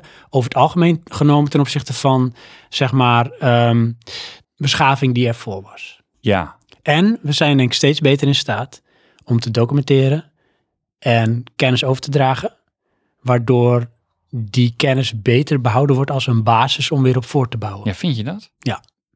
zeker in relatie met toen het ge- geschrift nog niet bestond. Ja, oké. Dat wel. Maar nu hebben we alles digitaal en dan eh, is straks de harde schijf eh, kwijt en hebben we niks. Ja, dat is een probleem, maar je kunt je ook voorstellen dat kennisoverdracht straks met behulp van technologie ook ingebed kan worden in het DNA van een mens, waardoor het niet meer verloren gaat. Ik zou me kunnen voorstellen dat er een moment gaat komen die we nog meegemaakt voordat eh, zeg maar, we onszelf uitroeien, deels. Dat we misschien kennis op DNA-niveau kunnen overdragen en dat het gewoon op de generatie letterlijk wordt overgedragen. Dat je geboren wordt met die kennis en kunde, net als dat een veulentje als je geboren wordt meteen kan lopen. Dan bedoel je dus dat je een bepaalde ehm, voorgeprogrammeerde kennisset krijgt Ja, voordat je een soort, eh, geboren wordt. extra gen in je lijf en die wordt gewoon letterlijk overgedragen. Ja, dat klinkt wel heel futuristisch trouwens. Dat is wel een coole. En als het erin zit, zit het erin, weet je. Ja, maar ik denk ehm interstellar travel. eh, Nou, er zijn nu al wiskundigen die bezig zijn met cracking the code. Dat ehm, sneller dan licht en het feit dat je dan bijvoorbeeld kan tijdreizen, dat dat waargemaakt kan worden. Ze zeiden alleen van om het in de praktijk te brengen is praktisch onmogelijk. Vanwege de technologie die je daar dan voor nodig hebt. Maar het feit al dat het wiskundig eh, straks aangetoond kan worden dat tijdreizen bestaat. Dus ook bijvoorbeeld sneller dan licht kunnen reizen dat kan bijdragen aan bijvoorbeeld wormhole traveling. Dat je dus heel snel heel grote afstanden kan afleggen. ja, oké, maar dat blijft met theorie eh, iets fictiefs praktisch te maken. Nee, klopt, maar hoe, hoe beter je het wiskundig eh, kan uitschrijven en daarmee kan aantonen. Dus dat het in plaats van theorie steeds meer geschreven praktijk wordt, als het ware. Hè, dus dat het wiskundig mogelijk is, dus dat het niet tegen de regels van de natuurkunde gaat. Dan is het al een stap dichterbij in het realiseren ervan. Want dan kun je ook gaan kijken van wat zijn eh, de mogelijkheden om dat ook eh, fysiek te maken. Want dat is heel vaak op basis van een wiskundig model. Ja, ja je, je- je bepaalt, bepaalt met het wiskundige model ehm, de haalbaarheidsstudie. En dan moet je het gaan testen of het eh, echt zo is. Precies. Ja, maar ehm, ik denk ten eerste dat wij dat niet mee gaan maken. En ten tweede blijf ik dan eh, onszelf als grootste gevaar zien. Ja, wij zijn ook... On... Want de belangen zijn er niet. Nee, hoewel wat ik er bijvoorbeeld al een heel goed klein principieel begin vind, Ja. is dat we in Nederland nu voor eh, niet alleen de exacte, maar ook de alfawetenschap ehm, heel veel geld vrijgeven of beschikbaar stellen. Dus er wordt weer veel meer geïnvesteerd in wetenschap. En Ja. eh, ik vind dat soort dingen zijn de eerste stapjes in ook daarin verder te kunnen komen. Dus ook, nou ja, Bedoel je dan die eh, 120 miljoen die nu verdeeld is? Ja. dit is Ja, een maar- goed begin. Ja, ja, ik vind dat echt een druppel op een gloeiende Is het ook, plaat. maar het is een begin. Dus er is weer een incentief van jongens, wetenschap, al is het niet alleen alfa, maar ook beta, of juist andersom. Nee, ja. Niet alleen beta, maar ook alfa bedoel ik. Ja. Hè, dat is een, een goed begin. En dat was volgens mij gevarieerd van eh, nou, quantumcomputers tot en met ehm, de Griekse geschiedenis. Ja. Daar wordt weer geld aan vrijgegeven. Investeren in wetenschap en kennis, dat is waar je op in moet zetten als je voort wilt gaan met jouw beschaving. Ja. Want hoe meer kennis, en het heeft natuurlijk ook een kantpunt, maar op zich hoe meer inzicht en hoe minder kans op, noem het maar even, primaire reacties. Ja. Want er is minder eh, emotie en meer ratio. En ondertussen moet je gaan betalen voor studie. Ja, dat is dan iets wat nog gefixt moet worden. Ja, Stem daarom. GroenLinks of D66. maar dat bedoel ik dus. ehm, alles draait uiteindelijk weer op economisch belangen. En dan de planeet verlaten steunt totaal geen economisch doel. Nee. Of je moet visionairs hebben zoals eh, Elon Musk die eh, daar stapjes in zetten. die eh, bewust de boundary te ver zetten en mensen wakker schudden, zodat er aandacht op gevestigd wordt. Ja, maar ja, goed. Ik blijf erbij, dat gaan we niet nastreven totdat het moet. En dan is dat laat. Maar Als hey, we het kijk, überhaupt halen. elke eh, grote stap begint met een baby step. Hè, dus als we überhaupt ons zonnestelsel willen verlaten, is het al fantastisch als we alweer een paar planeten verder komen dan dat we ooit zijn geweest als mens. Ja, Dus na, hè, we zijn nooit verder dan de maan gekomen als mens. Zoals we nu eh, letterlijk voet eh, op eh, Mars kunnen zetten, dan ben je alweer een stap verder. En dat is het begin misschien wel van die exponentiële lijn. Hè? Dus eerst baby steps en die worden in één keer steeds groter. ja, dat geloof ik wel. Dus misschien dat je dan toch op een gegeven moment de eerste volgende ster kunt eh, bereiken. Maar terug naar de stelling. Recap. In plaats van de aarde p- te proberen te behouden, moeten we vol inzetten op ruimtevaart en maken dat we hier wegkomen. Ben je het eens? Ja, eens. Ja? Ja, alleen ik denk wel dat dan eh, het kunnen redden ervan voor onszelf is op de korte termijn dan Mars. Dat is de toekomst. Daar gaan we komen als mens en dan gaan we koloniseren. Dus dan ben je al een stap verder van de aarde. Dus je lost misschien dan een bepaald probleem op, als in overbevolking of schaarste. Eh, de volgende stap is dan van, eh, we gaan het op een gegeven moment niet meer bolwerken binnen ons zonnestelsel, omdat de zon stopt. Dus dan moeten we daar ook weg. Dus dat is de volgende stap. Nee, ik zie dat toch een beetje anders. Ik heb zoiets van, als we al niet in staat zijn... Om mijn zin uit te spreken stond er niet zin. Nee, als we niet in staat zijn om onze eigen planeet eh, in stand te houden... m- moeten we dan maar ook bij een andere gaan verklooien. Nou, de vraag is of dat gebeurt. Want het kan natuurlijk ook zijn dat bepaalde, eh, dan moet ik het goed zeggen, dat de situatie op dit moment ertoe leidt dat we daarmee bezig zijn. Dus als je bepaalde factoren weghaalt, door meer ruimte of minder schaarste, dat die behoefte om onszelf te vernietigen ook afneemt.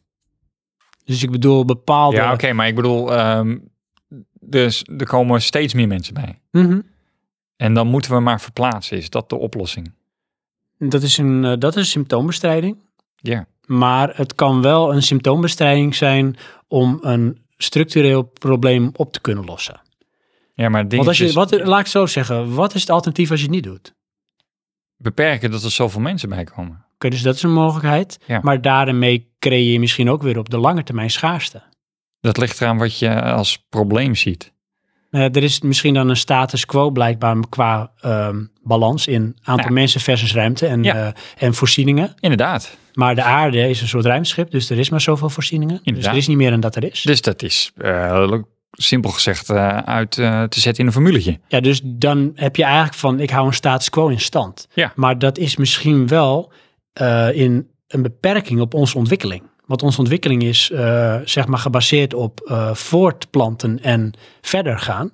En dat beperk je dan. Dus je hebt ook kans dat dat als uitwerking heeft dat ook al het andere afneemt. Dus misschien wel zeg maar hoe innovatief je bent of hoe eh, geestvrij je bent. Omdat je beperkt wordt. En als je dan inzet op van we moeten expanderen, dus we moeten meer ruimte gaan creëren, dan voorkom je misschien dat dat gebeurt. Ja, dat is eigenlijk een beetje eh, omdraaien. Dat is van omdat we geen probleem hebben, maar wel willen ontwikkelen, moeten we toch verder. Ja, dat zou hetzelfde zijn als eh, we hebben zoveel ehm, potentiële studenten die willen studeren. We hebben maar zoveel plek en de rest kan gewoon niet studeren. Ja. In plaats van dat je zorgt van, er zijn ook nog andere studies die je kan doen. Nee, jij kan niet meer studeren. Ja. Het Vol is vol. Klopt. Dus jouw leven, zoek het maar uit. Maar helaas voor jou, Ja, had je er maar niet moeten zijn. inderdaad. En Maar- dat, is, dat is ontzettend beperkend. Tuurlijk is het beperkend, maar het, het, het punt Dus wat los je? Je lost niks meer op, je houdt iets in stand. En dat is, eh, dat is de balans. Dus je komt ook nergens. Ja, maar dan ga je ervan uit dat je altijd vooruit moet. Dat zit in ons DNA. Is dat zo? Ja, net als dat het heelal uitdijt, doen wij dat ook. Dat zit er gewoon in. Dat hou je niet tegen.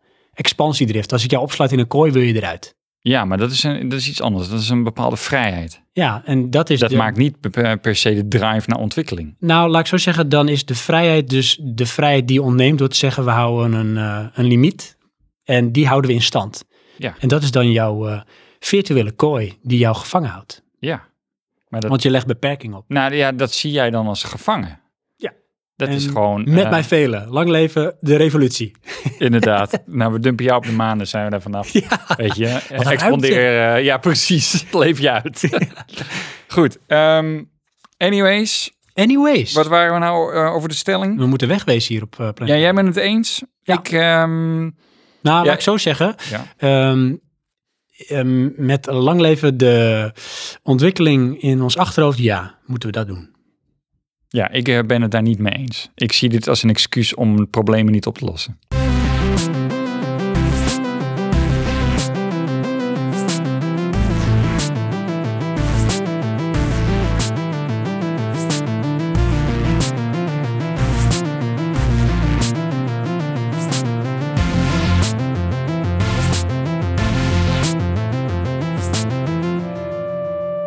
Dit wordt ondertussen de vierde stelling. Ja, Mhm. want Zo. jouw eer tweede. Wow, wow, here we go.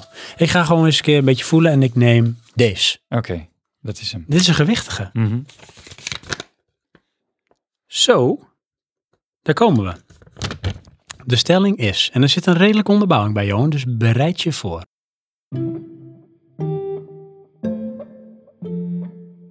De Switch wordt een tweede Nintendo Wii U, die alleen wat beter verkoopt. Was getekend Dynamite. Oké, en wat is de onderbouwing? Dat zijn twee alinea's, die ga ik even rustig voordragen. Oké, Wil je daar ook een leuk muziekje bij? ja, doe dat. Heb je nog een voorkeur van een franchise of een bepaalde sound? Want dan doe ik die. Nee. Oké, komt die.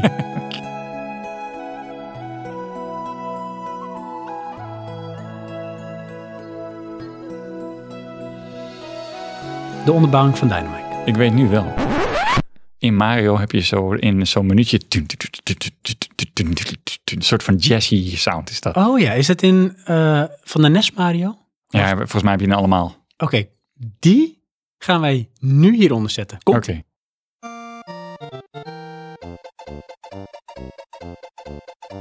De onderbouwing van Dynamite. De reden kwam uit het feit dat Microsoft en Sony, en hij, eh, de reden, want ik zeg niet de reden, welke reden, Eh, hij reageert eigenlijk op eh, een, een reactie van Apenhul, die deze stelling van Dynamite aanhaalde. Van, oh ja, wat Dynamite zei dit. Van, hè, de Switch wordt eigenlijk een nieuwe Nintendo Wii U. Ja. En hij zegt eh, volgens Dynamite van de reden dat het aangehaald werd door Apple, kwam uit het feit dat Dynamite had gezegd dat Microsoft en Sony zich op 4K richten. De Switch speelt straks Splatoon 2 op 27p op tv. In handheld heeft die, heeft die game dynamic scaling en dus maximaal 27p resolutie, maar soms ook lager. Mijn opmerking, zegt Dynamite richting Apenhul, richtte zich voor mij puur op de kracht van het apparaat. Het maakt mij niet uit of ik in 27p of 1080p speel. Ik baal wel van framerates die niet eens 30 stabiel of 60 halen. Maar Nintendo lijkt een stap terug te maken in plaats van een stap vooruit. 27p of stotterende frames. Dan gaat hij door. En die vooruitgang naar 4K be- eh, boeit mij aan zich niets. Maar het gaat dus om de kracht. De non-Nintendo games die ook op de PS4, PC en Xbox One uitkomen, worden gemaakt met in het achterhoofd de kracht die die machines hebben. En dat past niet op de Switch, want die heeft die kracht niet. Zelda loopt niet vloeiend en heeft frame drops. Lego City Underground heeft echt een beroerde performance. En zoals gezegd draait Splatoon 2 in handheld mode niet eens volledig op 27p, maar schakelt. En dat in zijn achterhoofd zegt hij van ja, dit wordt gewoon weer een volgende Wii U. Die het nu al niet gaat redden of hè, die het gaat afleggen tegen de gevestigde orde. Die vroeger al verder was dan dat zij nu zijn. Sorry. Vroeger al verder was dan zij nu zijn. Ja, die is diep hè, weer filosofisch. Ja. de PS4 was in, bij de launch al verder dan dat de Switch nu is. Ja, oké. Ja. Maar dat, je, je eh, begint al met een achterstand. Ja. op Maar kracht. ehm, dan kom ik toch weer een beetje terug bij eh, hoe zie je de Wii... Of, sorry, de Switch. Is dat een portable die ook console is? Of is het een console die ook portable is? Ja. Ja. En ik zie de Switch als een portable Ja, ik ook. die ook console is. Ja, 100%. En eh, in dat opzicht denk ik, nou, nou, het is best een krachtige portable. En eh, daarbinnen, pick your winners. Is dit een PlayStation concurrent? Voor mij niet. Eh, Xbox concurrent ook niet. Het is alleen, en dat vind ik dan wel een ding, hij is te duur voor even ernaast. Ja. En ehm, En is hij nog redelijk goedkoop. En hebben ze natuurlijk concessie gedaan in de kwaliteit. ja, En want als Ah, ze en- alles zeg maar eh à la Apple kwaliteit zouden leveren, dat soort materialen, dan was je natuurlijk nog een factor duurder geworden. ja, nou dat is ook een beetje wat die nieuwe Xbox waarschijnlijk wordt. Scorpio. daar zit dus ook mee van, als je dat ding gaat eh, uitzetten tegenover een PC met die kracht, dan mag je een 1000 euro gaan neerleggen. Maar ja, dat is niet eh, de prijs waarvoor je een console kan verkopen tegenwoordig. Nee, Dus wat gaat dat doen? ja, dat is waar. Dat moet nog maar blijken. Maar ehm, als we even naar de strekking van de stelling gaan. Ja, het wordt een tweede Wii U. Ja, En dan even een los van de genuanceerd... emotie. Neem ik Van- dan aan dat ze daarmee bedoelen die Wii U is geen succes geweest. Nee, nee, alles behalve. Maar dat is de vergelijk. Het Dat wordt is dus de geen vergelijking. succes. Het wordt geen succes. Het- Eh. en, en hij haalt daar de redenen aan bij. Er wordt dus eigenlijk nu al afgelegd tegen waar onterecht misschien mee vergeleken wordt. Een PlayStation 4 of een Xbox One Ja, maar dat, of een PC. dat is niet helemaal onterecht. Want ik, hij bedoelt dan het principe van die third-party games gaan niet op die Wii of eh, die Switch uitkomen. Nee, en als je kijkt met zeg maar het tempo en de kwaliteit van met de doelgroep erbij van games die first of second party uitbrengt, is te weinig om dat ding succesvol te maken op de termijn. Ehm, dus dan eigenlijk is het, het gaat hetzelfde lot bekoren als de Wii U, omdat daar ook geen third-party games eh, ondersteuning meer was. En er dus geen eh, interesse is, behalve de puur Nintendo-fan. Klopt. En dat is gewoon 100% zo. Ik weet 100% zo dat dat zo is met deze stelling. Dat is zo. Eens. Jij bent het eens met de stelling. Ja, dit Oké. wordt de volgende Wii U. Ja. Dat is omdat het een Nintendo-product is. En dat is niet erg, want Nintendo is gewoon en altijd eigenlijk geweest een niche. Ze hebben één klein uitstapje gehad, in mijn ogen, qua console, en dat was de Wii. Die werd eigenlijk misschien tegen eigen verwachtingen een ontzettend groot succes, omdat het heel erg casual was. En het feit dat je het liet zien was eigenlijk het unique selling point voor iemand die nog nooit game om het ook te willen hebben. Ja. Hey, ik wil ook golfen of ik wil ook tennissen, want met name die sportgames hebben daaraan bijgedragen. Ja. Maar het blijft Nintendo met eigenlijk de niche-insteek van wij wijken niet af van onze doelstelling. En dat is eigenlijk gameplay over kracht en de fun die je moet hebben. Daar is gewoon maar zoveel vraag naar, waardoor die doelgroep te klein is. Ja. En dan is die afzetmarkt ook te klein. En dan is het misschien een mislukking als je kijkt naar de cijfers. Maar is het een succes omdat het van Nintendo is wat ze altijd al doen. Maar ik denk hetzelfde lot beschoren als de Wii U. Voor de Switch. Ehm, nou, ik heb dan een beetje van wat wil Nintendo? Wil Nintendo meedoen in de consoles? Of wil Nintendo gewoon een, een, een hoe moet ik dat zeggen, een derde partij handheld zijn? En daar bedoel ik mee van eh, als jij een, een portable eh, gaming wil, gaming experience, dan koop je dus straks een Nintendo. Wil je een console thuis met het nieuws van het nieuwste, dan koop je eh, Xbox of PlayStation. Ja, en dan hangt het er dus wel vanaf wat het te bieden heeft. Hè? Want misschien ga je het onterecht al vergelijken met een eh, smartphone. Ja, Qua mobile gaming. ja. En wat gaat dan die Switch mij meer brengen of anders brengen dan wat ik misschien al met mijn smartphone kan qua mobile gaming? ja, dat zijn momenteel de titels.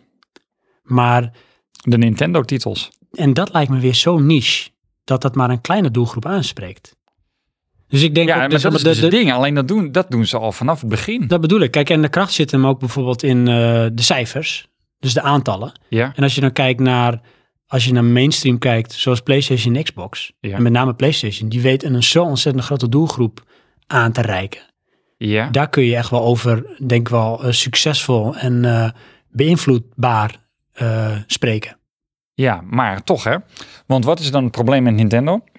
Die hebben een beperkte rekenkracht in hun console. En daarmee limiteren ze eigenlijk hun bibliotheek. Want ze beperken zich tot de Nintendo-titels. Ja, en het is misschien ook oorzaak en gevolg, hè? Omdat ze zich richten misschien op first en second party, hoeven ze niet zoveel kracht te hebben. Dus gaan ze het ook niet eh, bouwen en leveren. Ja, maar als je dan kijkt naar een PlayStation of een Xbox. Wat zijn daar de mainstream titels? Dat zijn degenen die elk jaar weer opnieuw komen. Dat willen mensen. Ja, maar, Maar die vragen bijvoorbeeld wel qua performance het maximale uit je machine. Ja, oké, maar ik bedoel, ehm, als jij nou de nieuwe Mario speelt, nou, die draait gewoon goed op een Nintendo, dat weet je.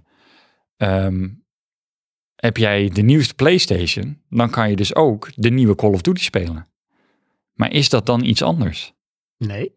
Dus dan heb je eigenlijk dezelfde setting, alleen op een andere console, die in een ander grafisch eh, spektakel speelt. Ik denk dat, Maar meer dan misschien, dat is het eh, niet. het is een, misschien een te gesloten ecosysteem. Omdat het Nintendo minder uit bedoel is. je Ja, en daardoor misschien te afwijkend. Dus mensen die eh, hunkeren toch misschien naar die eenheidsworst in de mainstream. Ja, Omdat het elk jaar hetzelfde is, maar misschien net iets mooier. Hè, net zoals eh, binnenkort komt, eh, of binnenkort zijn bezig met Call of Duty. ja. En het wordt weer Wereldoorlog 2 setting. Ja. Maar het ziet er weer wat mooier uit. Ja. Maar in feite doen ze het trucje al over again. Inderdaad, maar dat is precies wat Nintendo doet. Ja, alleen, oké, Snap je nou wat ik bedoel? ja, ik snap meer wat je bedoelt. Dus daarin, feitelijk doen ze hetzelfde. Ja, Maar toch zit er blijkbaar een verschil in succes. ja maar eh, het ding is dus, je hebt dus bij ehm, PlayStation en Xbox heb je, oh sorry, eh, de strijd van ga ik voor een Xbox of een PlayStation? En dat komt omdat ze vergelijkbaar zijn. Juist, maar bij Nintendo heb je dat niet. Nee, dus dan zou je ook kunnen zeggen, dat is uniek, dus die moet altijd bovenaan staan. Maar Eh. er is, dus dat is misschien niet de factor waar het van afhangt. Juist, het is meer van kies ik voor Nintendo type games of wil ik ehm, de PlayStation en Xbox Ja, games? dus misschien toch weer, te, ze kiezen, mensen kiezen voor mainstream. En Ja. Xbox, PlayStation titels zijn meer mainstream. Ja, maar dat is alleen maar omdat de Call of Duty's en de FIFA's, dat die goed verkopen. Tuurlijk, Dat zijn de maakt ze cijfers. mainstream. Ja, en daardoor wordt er ook steeds meer eh, mainstream gemaakt, want daar misschien weer afgeleiden van zijn. Dus dan krijg je ook eh, Battlefield. En dan krijg je ook eh, PES in plaats van eh, FIFA. Ja, Dus je krijgt tegenhangers die hetzelfde doen. En dan kun je nog meer kiezen. Dus er is nog meer te kiezen op dat platform. Dus nog meer mainstream.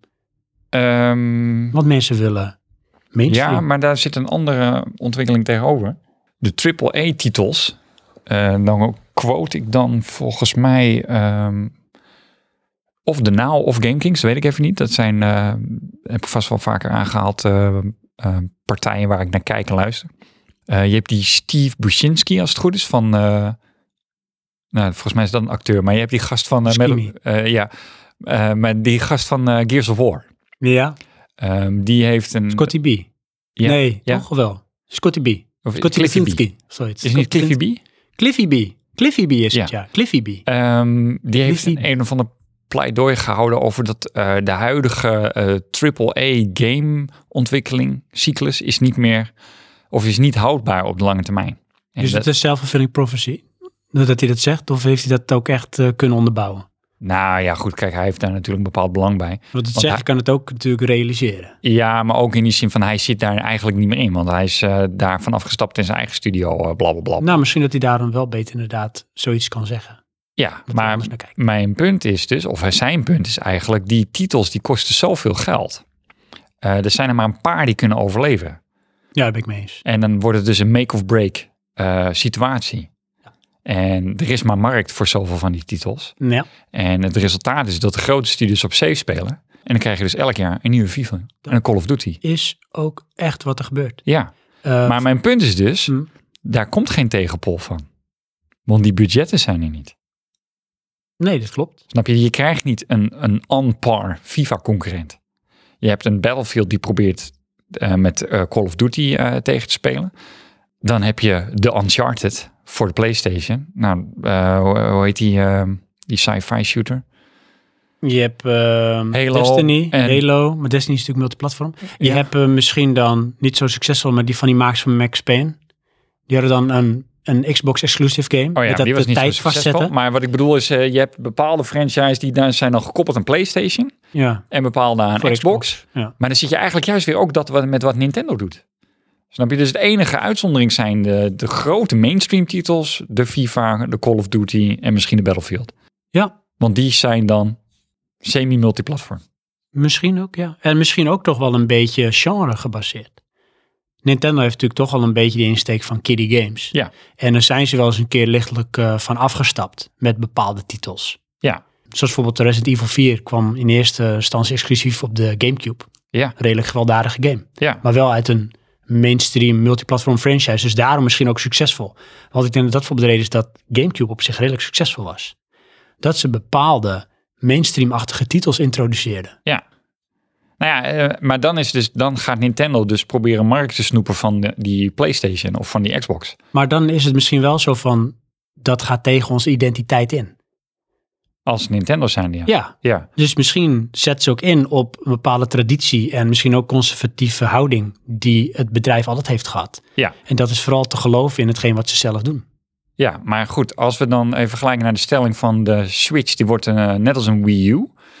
Ik denk het wel dan ook, daar ben ik het mee eens. Maar dat maakt het niet per se een slecht iets. Nee, maar en dat, ook niet per dat, se wordt- een failure. dat klopt. Maar dat is misschien wel de invulling die wij eraan geven. Ja. Feitelijk Nou, het gezien als je- algemeen beeld is, de Wii U was een failure. Ja, dat klopt. als we dat gegeven weglaten, je kijkt gewoon naar de verkoopcijfers Ja. en hoe het gegaan is en dan even geen waardeoordeel, kun je zeggen dat de Switch dezelfde kant op gaat. Ja. Dat geloof ik dan wel. Maar ik denk als eh, het plan van Nintendo is om hun eigen markt te houden en niet te concurreren met de rest, nou dan eh, zitten ze momenteel op het goede pad. In de zin dat Nou, ze gaan niet hardcore concurreren met een PlayStation Nee, dit, of dat Xbox. klopt. Dat gaan ze Ja. niet doen. Nee. Want dat zie je al. Kijk, sowieso wat hij ook aangeeft. Van, er is bijna geen derde partij die wil gaan ontwikkelen voor Switch. Ja. Want het kost zoveel meer effort. Maar ze hadden wel Om een hele aanpassingen te lijst doen. met allemaal third parties. Ja, maar er waren al oude titels. Volgens mij hoor. Ja, third parties. Maar Ja. die, die kwamen volgens mij in eerste instantie met zoals dat Skyrim uitkwam. Dat was misschien meer een soort proefballon. Van kijk, het kan erop draaien. Dan Ja. heb je het over een vet oude game eigenlijk. Ja, ja, dat vond ik ook raar. En ik denk dat misschien er wel een incentief is vanuit die derde partij van nou, we gaan wat doen. Maar het gaat om de cijfers. En als je weet dat het niet gaat verkopen, ga je daar niet je vingers aan branden. Als je nog safe kan spelen wat je zelf zegt op een PlayStation, PC of Xbox. Ja, ja, inderdaad, die titels die gaan niet naar een, eh, een Nintendo komen. Maar ja, ik, ik, ehm, ik weet niet, eh, ik heb me daar denk ik een beetje bij neergelegd. Ik zie eh, Nintendo niet meer als een onderdeel van de drie-eenheid.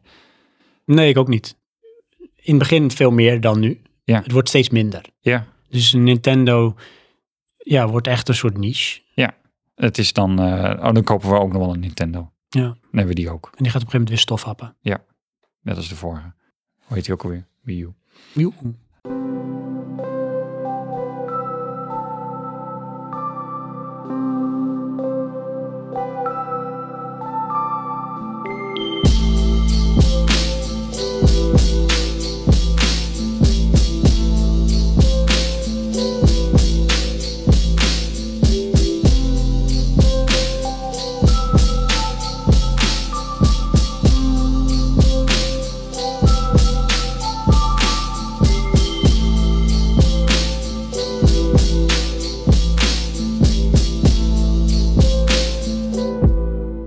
Dan gaan we door.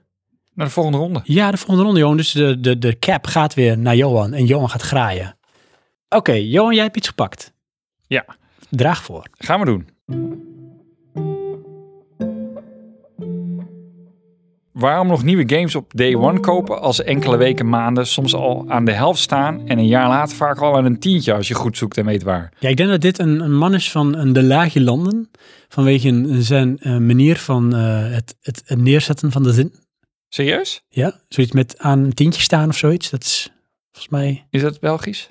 Ja, ik weet het niet. Maar zijn wij niet de lage landen, dus ik weet niet hoe- waarom je nou... met Nederland en Belgisch- België zijn nog de lage landen. Ja, dus wat wil je nou? Weet ik niet, hebben we ook een beetje. Oké. Oh ja, Eh, sorry. Mart- Als je- sorry, Mart Dahl. Mart Dahl. Ja, dat doet me denken aan Darth Maul. Voor mij is dat ook zo. Dat is zeg maar de, de grap. Ja, inderdaad. Eh, cool. Ehm, Ja, ik weet helemaal niet of je Belgisch bent. En zo niet, dan bied ik mijn eh, excuus aan of vind het een compliment. Doe ermee wat je wil. Ja. Maar eh, ik vind het wel grappig hoe die dat neerzet. Zo, s- dat is een soort spreektaal die ik niet vaak gebruik. Nee, oké, maar goed. Wat kun je hem nog één keer voordragen? ik vind hoor. het wel mooi. Waarom nog nieuwe games op day one kopen als ze enkele weken, maanden soms al aan de helft staan en een jaar later vaak al aan een tientje? Als je goed zoekt en weet waar. Oh ja, want ze staan aan een bedrag bedoel je? Ja, Oh ja, dat, ik, dat- een tientje, dat is toch gewoon een tientje? Wat wil je nou? dus, maar eh, dit is ook een, een, een nieuwe inzender luisteraar. ja, Ja, Mark alweer. Daal. Hè, hebben we net belachelijk gemaakt, luister nooit meer. sorry. Ehm, dus ja, raken we bij mij weer een bepaalde snaar, maar ehm, Nou, laat ik het even zo zeggen, eh, Johan. ja. Ben jij gevoelig voor day one aanschaffen? Van, dit is een Totaal no-brainer, ik ga het niet kopen. meer. Maar dat is dus een beetje het ding. Ik zie ook een zorgelijke trend bij mij ontstaan. Word je een beetje van, I don't give a anymore. Nou, ik heb dus die PlayStation 4, weet je wel. Hmm. Dan ben ik nog steeds met Metal Gear Solid bezig. De pro. Ja, dat ook. En jij bedoelt PlayStation dan niet mij. Ehm, Johan, de pro. ja. Eh, maar dan heb ik dus nog eh, drie games klaar liggen die ik moet gaan spelen volgens mij. Of Ja. twee. Dan wil ik er nog één kopen. Maar dat ga ik dus pas doen wanneer ik die andere uitgespeeld heb. Dus in feite ben ik de aanschaf van een game steeds verder aan het uitstellen.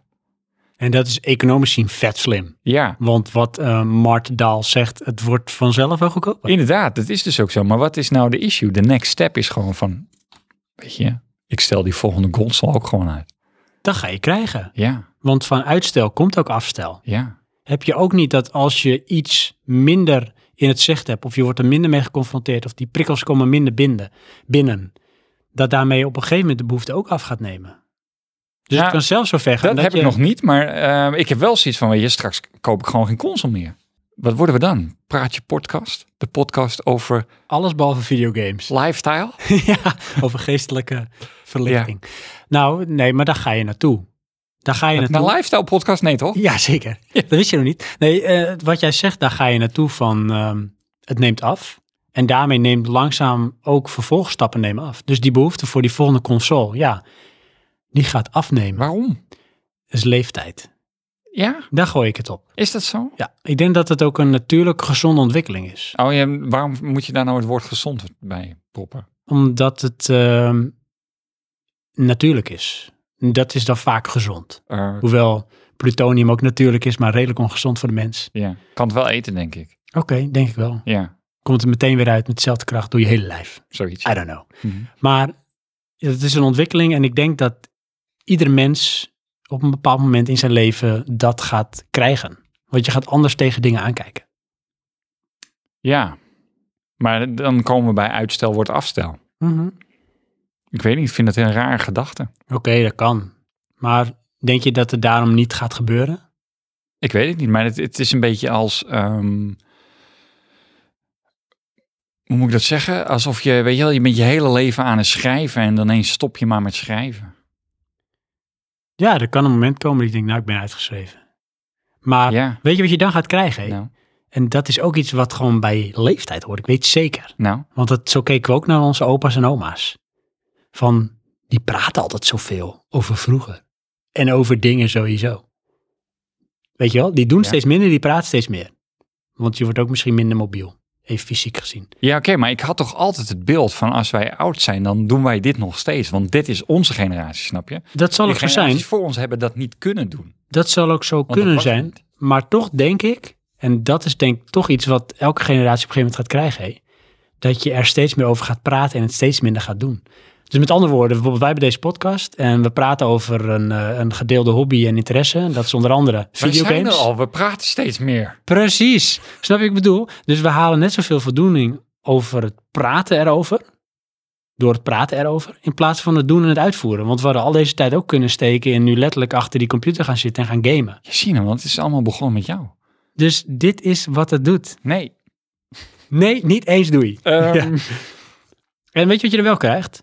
Dan word je op een gegeven moment een soort wijsbegeerde en een ervaringsdeskundige. Dus je kan er veel over vertellen en jouw ervaring delen met de mensen die nog zeg maar, aan het begin van die journey staan en nog heel erg moeten ontdekken en uitvoeren. Ah, gadverdamme, dat klinkt echt van, weet je, wij vroeger. Nou, dat is ook zo. Nee. Zo gaan mensen ook tegen. En dat is ook alleen maar gezond. en Daar is natuurlijk. niks gezonds aan, dat is gewoon irritant. Sorry Johan, Ja. je kunt niet... Dat is de bestrijden wat belemmering je van ontwikkeling. Ja. Weet je wat ik ook even voor me zie, wat je net zei? Van, Nou. Weet je, wij zijn de generatie die het al nog doen. Ja. Dat hadden wij toen volgens mij ook heel sterk, dat we die film Roetje in Zet keken. ja. Dat Dan zie je die opa zitten te hacken Ja. en de computer. Want dat Dus Dat is deden wij. bejaarden die vanuit een, uit een ziekenhuis nog even een computer hacken. Ja. Ja, maar goed, wij hackten helemaal niet. Hè. Wij zetten een computer aan, vonden wel heel wat. Dat was een soort van hacker van ons. Ja. Mijn moeder Eh, noemde me toen al een hacker, omdat ik een computer kon installeren. Je bent echt een hacker. Ja, Dat vond ze echt indrukwekkend. ja. Maar goed, het het dingetje is dus van, kan je beter wachten tot het goedkoper wordt? Dat is eigenlijk de stelling, hè? Nou, Want kun je het nog gaat één keer zo even- snel. Kun je hem nog één keer Oké, verhalen? waarom? Dit is wel de derde keer dan. Hm, hè? vind ik leuk, wat Ja. Dingman scheep zegt. We hebben wel in ieder geval goed aandacht eh, besteed aan onze nieuwe inzender, Mhm. Martal. Martaal. Waarom nog nieuwe games op day one kopen als ze enkele weken, maanden, soms aan de helft staan en een jaar later vaak al aan een tientje, als je goed zoekt en weet waar? Eh, nou, waarom je dat doet is omdat jij in de hype train mee wil gaan en die anticipatie hebt van de game komt op launch day uit, dan wil ik het hebben. Hè, dus dat Ja. zou een reden zijn om het wel te doen. Ja, Want vaak is dat onderdeel van de beleving, is de anticipatie van ik ben een van de eerste en ik wil het hebben. inderdaad. Ja, En dat valt staat met een goede hype train. Terecht van terecht, maar dat gevoel kan je willen hebben. Nou, dan moet je dat doen. Als je die... maar dat is ook een heel mooi gevoel. Dat is ook een heel mooi gevoel. En dat is niet verkeerd. En dat moet je ook ergens koesteren. Ja, ik Maar of je- of je want jij nou- omarmt nu dat wij dat opgeven. Nou, als je het moet voeden, Ja. ik weet niet of dat zo'n gezonde ontwikkeling is. Want dan ga je steeds hebben van, ik wil meer, meer, meer. Weet je wel, dan Ja. wil je het op day one hebben om het op day one te hebben. Dus dat is het verzamelen om het verzamelen. Dan schiet het zijn doel voorbij. Ja, oké, maar ik, vind- ik vind het altijd, weet je wel, het geeft een bepaald gevoel van als je enthousiast bent over iets wat komen gaat. Ja, oké, voorbeeld. Hé, hey, er Ja. komt een game. Jij wil hem op launch day hebben. Ja, Dus ik je hoef- koopt hem op ja, launch day. Ja, heb je überhaupt tijd om hem te gaan spelen? Want vaak heb je de aanschaf en ik, pff, en daar gaat hij. in de bak van de games die ik nog moet spelen. En waarschijnlijk tegen de tijd dat ik hem ga spelen, ligt die al voor minder dan de helft in de winkel. Sorry, ben jij er nu aan het reflecteren? Of? niet? Nou, dan bedoel ik te zeggen. Ja, Ja, ja, ja. Ja, ik Dat heb is helaas dus wel het die gevolg. situatie, maar... nee, dat Eh, bedoel ik. Hè? En in ieder geval niet door mijn eigen aanschaf, maar doordat ik het gekregen heb. ja.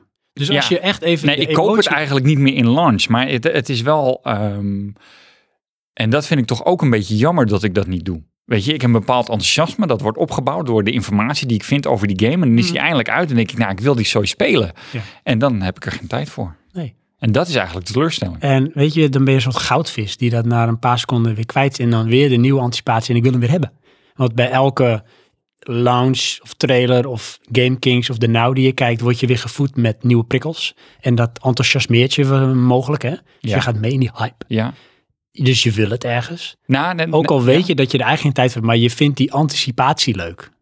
Klopt, Dat maar gevoel. er zit ook een ding mee. hè, En dat is een soort van teleurstelling. Van, eh, ja, die game die is al eh, zoveel maanden uit, heb ik nog niet gespeeld. Dus dan is de hype voorbij. Nee, dan is het van, dit had ik moeten spelen. Nou, weet Ja. je, eh, dat is wel een beetje waar. Maar bij mij hangt het er ergens vanaf. En waar vanaf? Ik zo? had dat heel erg met Red Dead Redemption. De- Die game Ja. wilde ik eigenlijk op launch day hebben en spelen toen die uitkwam. Oké, ja. Maar toen had ik er geen tijd, geen geld. Ik had het niet, dus het kwam er niet. ja. En jaren later heb ik hem toen aangeschaft. Maar ja, toen was ondertussen de PlayStation 4 al lang en breed uit. Ja. Ik start die game op. En het eerste wat ik dacht was van, het ziet er een beetje gedateerd uit. Ja. Dus dat deel valt al af. Ja. En Dan wordt het al lastiger, zo niet moeilijker om die game te gaan spelen. Ja. En dan, dan schiet je voorbij aan het, zeg maar, een soort tijdslot waarin je dat echt moet gaan spelen. Voordat het nog een beetje... Inderdaad, maar Iets dat is het oproept. ding, weet je wel. Als je lang genoeg wacht, dan is de vervanger er. Dan heb je gewoon dat enorme mooie episch verhaal heb je gemist. En weet je wat het voordeel daarvan is dan, hè? Nou, Als je dat los kan laten, en heb je die vervanger, hoef je al niet te spelen, want je hebt origineel ook niet eens gespeeld. Heb je niet eens meer nodig. ik wil... eh, Oké, we stoppen hiermee. We Ehm, moeten nu in therapie, want ja. we moeten terug naar die verslagen. Inderdaad, we moeten dit gewoon stug volhouden. Ik ben het er half mee eens. en waarom vind ben je het er half mee eens? In die zin van, ehm, weet je wel, ehm, pre-order en day one, dat vind ik onzin. Ik kan best een paar dagen wachten. Maar ehm, Dat vind ik wel heel wat. ja, Ja. Dus je zegt step aan de hype train. Nee, onderdeel van die anticipatie is dat je hem day one en pre-ordert. ja maar Want dat pre-order, dat, is vind ik, dat is gewoon oplichting. Tuurlijk is dat een oplichting. Ja, dus Want dat- hey, over day one patch gesproken, hè? Inderdaad. je pre-ordert hem. Je kan hem pas spelen als iedereen hem kan spelen, omdat die patch er dan pas is. Ja, nee, dus dat, dat is echt belachelijk. Nee, maar dan is het van de hunt. Voor Red October. Nee, de hunt. Crazy Ivan. De hunt is al onderdeel ervan. Weet je wel, dus dan heb je hem. De anticipatie, nogmaals, het bezit. En het bezit is dan, pff, oké, next. Ik hoef hem nu eigenlijk niet eens te spelen. Nee, ik wil dat dit ophoudt. Ehm, het is gewoon, weet je wel, je koopt die game. Of stel die aanschaf dan een paar weken uit. Zodat de hype train gedempt is. Dan eh, zijn er ook al mensen genoeg die de game weer ditchen. Dus dan wordt die weer goedkoper. Weet je dat ik dat deed ik altijd voor de, mijn PlayStation titels. Ik kocht doe ik nog altijd eh, ongeveer een maand Sorry, na praten we release. nou in de verleden tijd over PlayStation? Ja, PlayStation 3. Oké. Sorry, PlayStation 3. En dan kocht ik eh, games die ik wilde hebben. Ja. Zoals bijvoorbeeld eh, Heavy Rain en ehm, GTA. Ja. Die kocht ik een maand na release via Marktplaats. Ja. Voor een schijntje, want mensen waren Ja, er dat klaar doe mee. ik ook. Eh, want ik, eh, hoe heet die, eh eh, Keks, ik ga daar om de zoveel tijd kijken. En dan zit ik van, "Ma, nou oké, ik koop hem nog niet. Want hij ligt er nog genoeg. En dan heb ik het in dit geval over The Witcher. Is die titel zeldzaam daar, dan eh, heb ik zoiets, nou dan koop ik hem maar. En dan leg ik hem wel bij mij eh, thuis neer, maar dan heb ik hem vast. Ja, maar ik eh, ga hem niet meer aanschaffen voor de collectie games. Ik wil het nu echt aanschaffen voor het spelen. Hè, Oké, dus- ja, maar dat doe ik sowieso hoor. Ik, Oh, ik bouw er Maar geen- sommigen willen ook van, weet je, nou, het is een- niet een dure aanschaf, dus ik koop hem maar, ik heb hem maar voor mijn collectie. Weet je, ik ga misschien een keer spelen, maar niet per se. Want ik wel zo'n film gedaan. als, als Keks, of zo'n film, zo'n winkel als Keks, die verleidt je daar wel toe vanwege de klopt, lage ja. prijzen. Ja. Maar, ehm, dus ik zeg, ja, met verstand, niet kopen op launch day, wacht even, Mhm. maar koop hem wel binnen de tijdslot waarin de hype er nog is voor jezelf, waarin je dus niet ingehaald wordt door bijvoorbeeld dat het gedateerd gaat lijken. Ja, dus de volgende eh, eigenlijk, de Precies. vervanger. Maar dat is een redelijk tijdslot hoor, wat je dan hebt. Mhm. Ik zeg nee, aanschaffen, want je moet eigenlijk een beetje meedoen in die industrie waarin we elkaar allemaal een beetje ophitsen en dat je het wil. Want dat is onderdeel van de vreugde die je uit het hele videogames Ja, en, en wereldmuziek dan zit behaalt. je eigenlijk ook eh, goed in het eh, releaseplan van zo'n ontwikkelaar. Ja, dat is wat ze willen. Ja, maar dat, dat is ook, weet je wel, daar is de content ook op geënt. Nee, dat Dus- klopt. En ja, effectief heb ik dat nog nooit meegemaakt, want meestal eh, loop ik mijn eigen pad. Maar, Maar nog een klein stukje dieper op ingaan. Hè? mm, Ben jij dan vaak onheen, oneens met de prijzen die ervoor gevraagd worden? prijs is- Dus überhaupt van ehm, wat een game op launchdag kost. Ja, in die zin, je weet niet wat je krijgt. Maar zou dus afhankelijk van het product de waarde dat kunnen goed praten? Of vind je überhaupt dat games op launchdag te duur zijn? Nee. Nee, eh, het probleem is eh, voor mij, is eh, een, een game is een gok. Want ik betaal geld voor een, een, een toffe ervaring. En als het voldoet, dan vind ik het dat bedrag waard. Dat is dan geen probleem. Maar als het niet voldoet, dan vind ik het een schande. En dat is natuurlijk heel erg subjectief. Ja, Want dat is jouw beleving. inderdaad. En eh, dat kan zijn van eh, de game mechanics en de graphics vallen jou te veel tegen. Dus je kan niet genieten van de game. Inderdaad. Maar voor mij kan het zijn van, nou, die muziek en de setting was top. Ik heb genoten van die game. Nou ja, maar dat is dus het ding. Als jij gemiddeld genomen tevreden bent, dan is het goed. Dus daar, daar, dus dat is een waardeoordeel die je niet goed kan meten. Tenzij je dat Nou ja, onder oké, heel veel eh, mensen de- vraagt en dan krijg je een metacritic score van, nou, mensen vinden dit grosso modo. Het, het ding met, met het bedrag is, ehm, de kans dat het niet is wat je denkt dat het is, neemt steeds meer toe. Want? Er wordt zoveel gemiscommuniceerd in eh, Gamesland, naar mijn ervaring. Oké, dus dat, dat, dat wijd je vooral aan de ontwikkelaars en de publishers en niet zozeer aan jouw eigen beleving ervan. Nou, de, de, de marketingcampagnes, er wordt een bepaald imago van een game neergezet. En ehm, dat is toch steeds vaker niet wat de game is. Dat is waar. Maar was het ook niet zo dat vroeger het nog meer crap was, maar dat je gewoon niet zo heel veel verwachting had? Dus dat was wel sneller goed. Eh dus eigenlijk word je andersom. jezelf Vroeger ook was niet een steeds- game heel beperkt in wat het was. Ja. En dan vulde je het zelf aan. met nou, dat mythe. bedoel ik. Dus eh, Ja. wordt het ook niet zo dat we er zelf onrealistische eisen aan gaan stellen? Want het blijft een game. Nee, vind Of, ik- of is het van, het wordt nu gewoon onrealistisch neergezet. Dus de anticipatie of de verwachting die wordt gewekt, klopt niet met wat het product is. Juist, dat laatste. En dan eh, de order is dan een voorbeeld in mijn visie. eh Mafia, de, de laatste. Ja. Eh, nou, de order had dan natuurlijk wel, eh, de tijdgeist had die mee hè. Want het was eigenlijk een bijna soort eh, launchtitel van het eh, platform, Ja. van PlayStation. ja. Dus het liet al heel snel zien van grafisch gezien in-game kan het dit. Maar qua game stelde natuurlijk helemaal geen reet voor. ja, maar dat is dus een beetje het ding. Er werd, eh, het werd verkondigd als een soort van eh, shooter. Precies, dus in dat opzicht was het allemaal mislukt. Maar als je kijkt naar de algemene ervaringen en eh, reviews van die game, nog redelijk positief. Want mensen waren op dat moment wel onder de indruk van wat het kon. Dus het zat, het zat mee in de tijd. Als je dat nu uit gaat brengen, daar kom je niet mee weg. Nee, maar ik bedoel, je ziet dus steeds meer dat er een, een bepaald verhaal verkondigd wordt wat de game niet is. Nou, dat is, dat is, eh, dat is zonde. Ja, dat is schandalig. Want Dus dan er heb je moet precies- meer daar mag je schandpaal geen komen. 60 euro voor vragen. Nee, Naar mijn Maar is het ook niet zo, hè? Ja. Daarin dan. En dan sluiten we deze geweldige stelling van Mart Daal, waarvan we niet weten of het een Belg is overigens. Mhm. Dus dat is een vraag aan jou. Mart, kun je dat aangeven? Nee, dat is Bevestigen, niet- nog eh, ontkennen? Sluitende van, kom op. Oh, sorry. Ehm, is het dan ook niet zo, Johan, dat als iemand, een publisher zegt, deze game kun jij voor 20 euro kopen. En er is een andere game in een soortzelfde genre, daar betaal je 60 euro voor. Welke van de twee kies je? Gebaseerd op wat? Nou, dat is de vraag. Want die ene is blijkbaar 20 euro. En het is eenzelfde soort game. En die andere is 60 euro. Nou, het is meer andersom. Als ik een game zie van 20 euro, eh, dan heb ik minder nodig om te bepalen of ik dit het waard vind of niet. Dus het kan ook zo zijn dat terwijl die game meer crap is, dat je toch sneller denkt dat het een goede game is. Want hoeveel Nee, dan wil ben ik je het nou... wel proberen. Ja, bedoel ik. Maar dan Ja. heb je best wel kans daardoor dat je makkelijker zegt van nou, dat is eigenlijk best wel een oké game. Ja, want dan valt het Voor binnen. je het- 20 euro best wel een leuke game. Inderdaad, ja, want dan valt het binnen het Maar verwachtingspatroon. zeg maar, dat is meer... Je hebt sneller de neiging daarin het, gla, het glas half vol principe te hanteren. Als dat je zegt van nou, 60 euro dan krijg ik dit. Ja. Want dat is meer glas half leeg. Dan Ja. kan het eigenlijk alleen maar tegenvallen.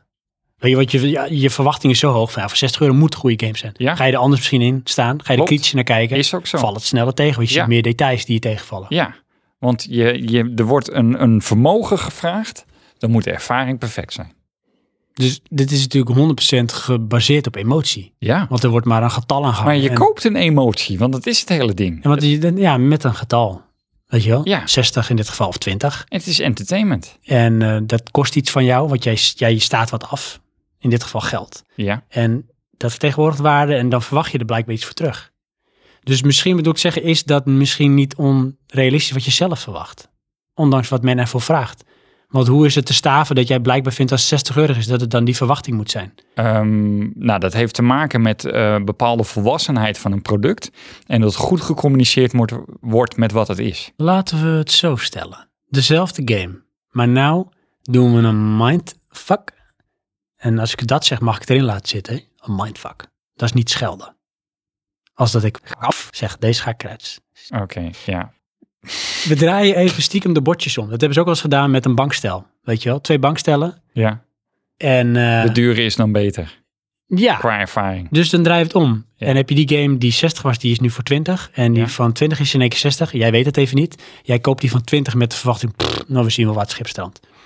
En nu in één keer denk je van, nou voor die 20 euro is het eigenlijk nog best wel een leuke game. Goede Ja. ervaring. Ja. Terwijl eigenlijk in het andere universum waarin het 60 euro was, dacht je van, ja maar voor 60 euro, wat een crap. Ja, maar d- je koppelt die waarde aan je ervaring. Dus het rechtvaardigt niks, maar het is gewoon meer het soort met psychische effect dat dat getal heeft. Nee, het is... eh, Dus ja, het, recht- ook. het rechtvaardigt niks bedoel ik. Het is gewoon een reactie die het uitlokt door ook een beetje de factoren. Dat- Dat snap ik niet helemaal. Hoe bedoel je het rechtvaardigt niks? Nou, dan, is- dan Ja. valt het niet te rijmen dat je kan zeggen van nee, het is die 60 euro niet waard. Want dat was die game die je voor 20 euro wel leuk had gevonden.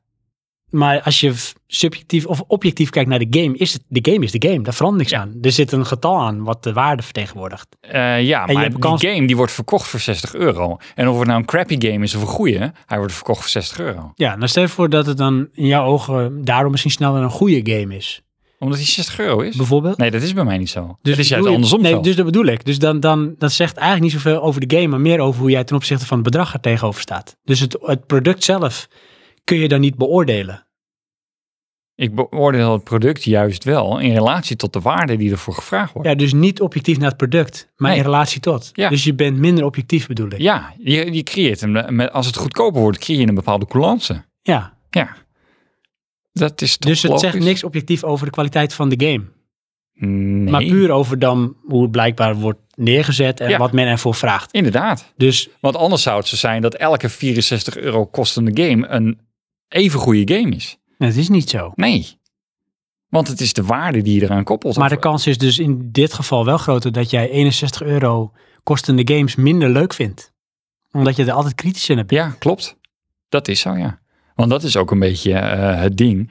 Ehm, en dat vond ik dus ook met name bij de PlayStation 4. Ik heb best wel lang gewacht met die aanschaf daarvan.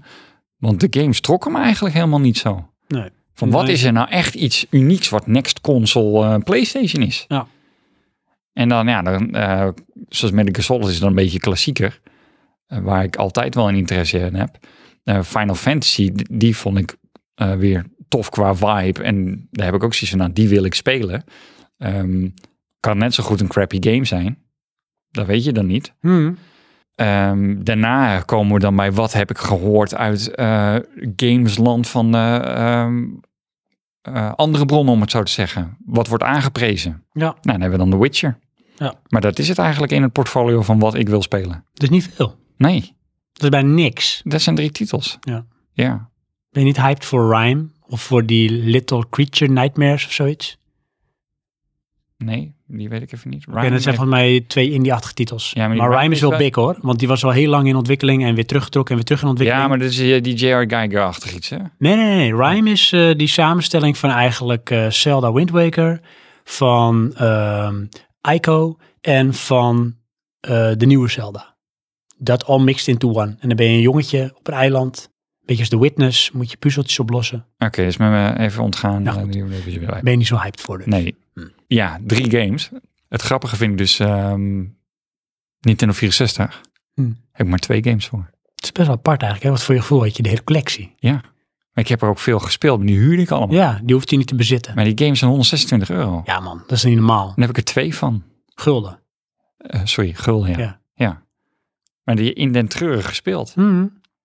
Ja, veel meer value for money. In die zin van dat haalde je er zelf wel uit. Want kom op, als je het over investeringen hebt.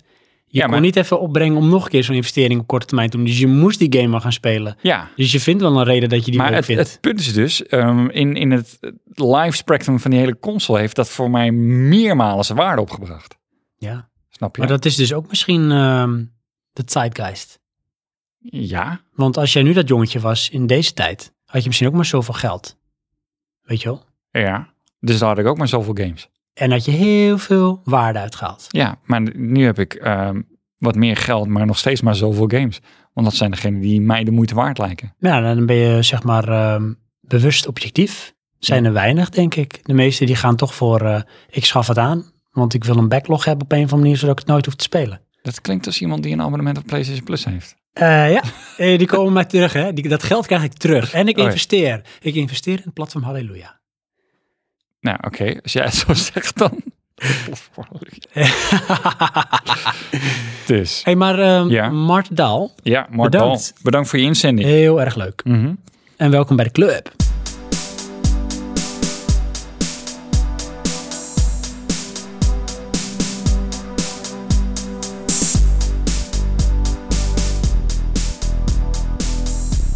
Mag ik er eentje? Ja, En ik denk dat dit, Johan, de laatste. het is de laatste. Dat is hem. Ik zal hem nog even voor je vasthouden. Oké. Komt ie, ja? hey, toevallig die ene waar de zes op staan. Oh, dit is een leuke om mee af te sluiten. En wederom, daar kan ik alvast klappen, een nieuwe luisteraar. Hm.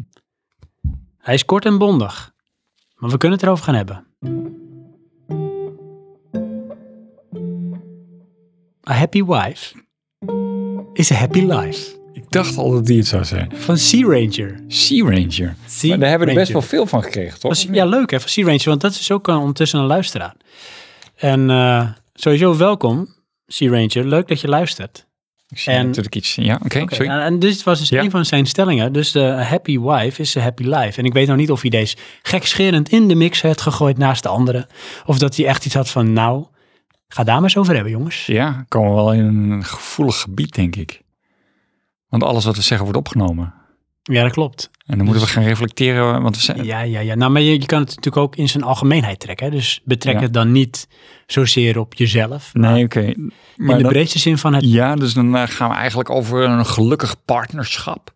Ja. Dus dan eigenlijk zijn we nu eh, aan het eh, spinnen van de stel- eh, stelling. Mhm. In mijn, eh, ik zie nog steeds opties in onze politieke carrière. Oh ja, ja, ja. Ehm, ja, en toen werd het stil. Ehm, daar ben ik het wel mee eens dan natuurlijk.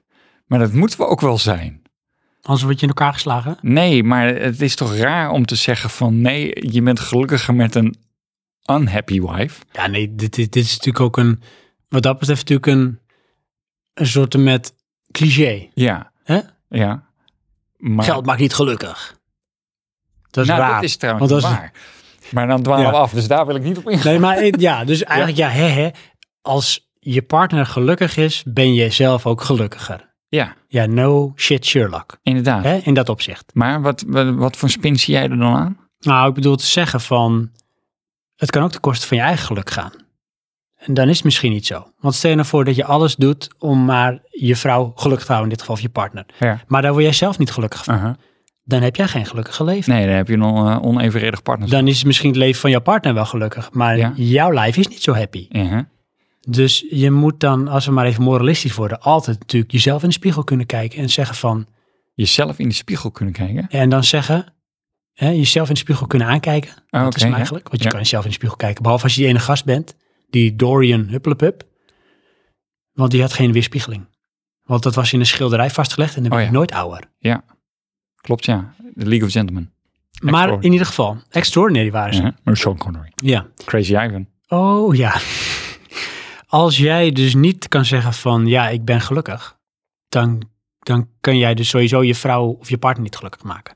Dus ik kan hem in die zin spinnen, Johan, en daar komt hij. En dat vind ik ook echt letterlijk een strekking van mijzelf. Ja. Die ik altijd wel hoog in het vaandel heb staan. Aha. En dat is, je kunt pas een ander gelukkig maken als je zelf gelukkig bent. Nee, daar ben ik het niet mee eens. Dus vanuit egoïsme ontstaat, zeg maar, niet egoïstisch of onbaatzuchtig. Oh, oké. Ja. Je moet eerst aan jezelf denken. Nee. Je- oh, nee, als- nee. want als de basis namelijk niet goed is, en dat is, jij- dat ben jij zelf, Ja. dan kun je dat ook nooit uitstralen en overbrengen op anderen. Ehm, om het meteen daar weer op te spinnen, zorg mm, dat een ander nooit het centrum van jouw universum wordt. Of dat jij het centrum wordt van iemands universum. ja, nee, ik zie dat er er moet gewoon een bepaalde balans zijn. En ehm, ehm, goed doet goed ontmoet. Als je dat beide kanten op doet, dan zit je dan ook goed. Maar de basis moet goed zijn. Ja, nee, ik- dat vind ik een andere Dus uitdaging. die basis komt Ik er ben- niet als, als die niet goed is. Dus weet je, stel je voor dat jij doodongelukkig bent. Dan is de kans heel klein dat als je je vrouw gelukkig maakt, dat jij gelukkiger wordt. Je moet aan jezelf werken. Weet je, je moet de oorzaak weghalen in plaats van de symptomen te bestrijden. Ehm, maar als jij jouw vrouw gelukkig maakt en jouw vrouw maakt jou gelukkig, dan ben je toch Ja, bijna maar die gelukkig. tweede is natuurlijk de aanname. Dat die vrouw jou daardoor gelukkig maakt. Want dat weet je. Nee, nee, maar het is niet daardoor. Maar dat is niet eh, het punt. Nee, maar dan is de balans er al. Dus hoef je niks te veranderen. Nee. Ik bedoel te zeggen. Dan is het toch goed? Nee, maar die balans is er niet altijd. Of die is er altijd niet. Met andere woorden, het is niet een vanzelfsprekendheid dat geluk wederzijds is en dat er daardoor balans is. Nee, dat klopt. En dat komt altijd vanuit vind het wel heel basisbehoeftes negatief, en principes. Ja, ik vind En die komen altijd vanuit jezelf. Dus met andere woorden, als er iets zit in jou, geestelijk of mentaal of fysiek of whatever, wat niet op orde is, en daar werk jij niet aan of dat negeer je, dan ga je dat uitstralen. Dat is onzichtbaar, maar het is er en dat breng je over en daardoor kun je nooit echt gelukkig zijn. Dan leef je in een illusie, in een ontkenning. Oké, dankjewel. Wat wil je dat zeggen? Oh, nee, ik vind het, deze voel ik vreselijk. Want dit is, ehm, nu zijn we een, een, een spreuk aan het eh, onderbouwen. Of afbreken. Ja, ja, ja. Ik kan er niet zoveel. Maar ben je het er niet mee eens dat zeg maar eh, de basis voor geluk in de breedste zin, wat je uiteindelijk ook overbrengt op bijvoorbeeld je partner, ligt bij jezelf? Nee, Nou, ik heb daar moeite mee, want dat klinkt voor mij egoïstisch. Dat zeg ik, daar komt het ook uit voort. Ja, maar dat is niet goed. En als je dat niet doet Ja, en je maakt bijvoorbeeld in dit geval bijvoorbeeld even je vrouw het belangrijkste dat er is, ja, dus zij wordt het centrum van jouw universum, ja. dat gaat een hele ongezonde balans brengen. Voor haar en voor jou. Ja, daar Wil je ben ik het nooit wel mee gelukkig eens. zijn. Alleen eh, het het beginpunt van jouw pleidooi is eh, eh, eh, egoïsme. Ja, dus eerst aan jezelf denken. Ja, En dat maar is dat de is basis. toch slecht? Nee, dat- waarom is dat slecht? Ik vind egoïsme is slecht. Ja, maar dat is net hoe je het bekijkt. Ja, En ik bedoel, dat ik is bekijk ook het vanaf deze kant. en Ik zie iets heel slechts. Klopt. Nou, laat ik het zo zeggen. Ja. Het wordt ook een beetje ingegeven. En misschien met, al door, misschien met name in de Nederlandse samenleving. Dat, eh, en dat is ook de mentaliteit een beetje van eh, bijvoorbeeld doe maar normaal en doe je gek genoeg. Ja. Weet je wel? En eh, ehm, kijk vooral eerst een beetje naar jezelf. In de negatieve zin van eh, niet zo snel iets vinden. Ja. Met andere woorden, je mag ook niet kritisch zijn naar jezelf of aan jezelf werken. Maar het liefst jezelf wegcijferen ten koste van de ander. Want Mm, anders ben je namelijk wel heel snel egoïstisch. Een voorbeeld om te noemen. Hè. Ehm, heel veel eh, Nederlanders hebben moeite met Amerikanen. En met Amerikaanse sporters even, om het nog specifiek te maken. Want wat zeggen ze van eh, Amerikaanse sporters? Die mensen die zijn zo arrogant, want die zijn zo vol van zichzelf. Ja. Maar draai het even om. Want heel veel Amerikaanse sporters zijn redelijk tot zeer succesvol. Waarom? Omdat ze de mentaliteit hebben om eerst aan zichzelf te werken en aan zichzelf te denken om die prestatie neer te kunnen zetten. Of de offers die je daarvoor moet laten of brengen om de beste te worden. En daarbij zegt ze bijvoorbeeld ook van, nou ja, als iemand ernaar vraagt, ja, ik ben heel goed. Ik ben misschien wel de beste in hetgeen wat ik doe. En daarom ga ik ook winnen en ben ik nummer één. En ik denk dat je die mindset ook Ja, een beetje maar moet ik- hebben Dat, ja. in het werken aan jezelf. Dus jezelf ook wel centraal durven stellen. Want waarom is het zo slecht om aan jezelf te denken? Dat is echt zo'n, vind ik, zo'n Nederlandse houding. Van dat is arrogant, want dan ben je alleen met jezelf bezig en dat is egoïstisch. Nee, Nou, maar weet je dat is de wat daar- basis om gelukkig te kunnen worden. Nee, dat vind ik niet. Want we- we- dat stuurt aan op zelfverrijking. Dat kan een gevolg zijn, maar dat Ja. heeft te maken met misschien een maat van discipline. Want ik zie dat als twee heel gescheiden dingen. Nee, ik niet. Weet want je? ik vind dat is namelijk de oorsprong van egoïsme. Ik boven de rest. Nou, maar dat is, een- vind ik meer een gevolg. Want Nee, dat is een uitvoering van. Ja, het is nou, meer oké, een soort ja. een, een denigrerend effect ten opzichte van ander. Maar laat ik zo zeggen van, eh, wat is er mis mee om van jezelf te houden? Daar is niks mis mee. Maar dat En is dat- geen egoïsme. Maar dat, dat is een vorm van egoïsme. Want dat is op jezelf gericht. Dat Maar is dat is ego. niet- dat is denk- per definitie ego. Oké, maar dat is dan niet de invulling die ik geef aan het woord Oké, egoïsme. Maar dat is misschien even waar we het over moeten hebben. Want Ja. dat is dan de definitie van egoïsme. Egoïsme voor mij is jezelf boven een ander stellen. Dat is de negatieve uitspraak Ja. ervan. En ik bedoel, Egoïsme Eh, is eigenlijk alleen maar aan jezelf denken, dus niet aan een ander. nee, dat is natuurlijk nooit goed. Ja, Maar dat is voor mij niet per definitie egoïsme. Ik bedoel, meer egoïsme is in de letterlijke zin van het woord op jezelf richten. Ego, dus jezelf. ja. En eh daar kan bij mij de uitwerking kan er zijn van ja, dat gaat ten koste van anderen. En dan slaat het door. Maar het kan ook zijn van, nou ja, weet je, in alles wat ik doe, stel ik in eerste instantie mezelf centraal. Want als ik daar niet voor zorg, dan kan ik dat andere sowieso niet goed doen. Nee, oké, maar dan ben je in mijn visie bezig met zelfverbetering.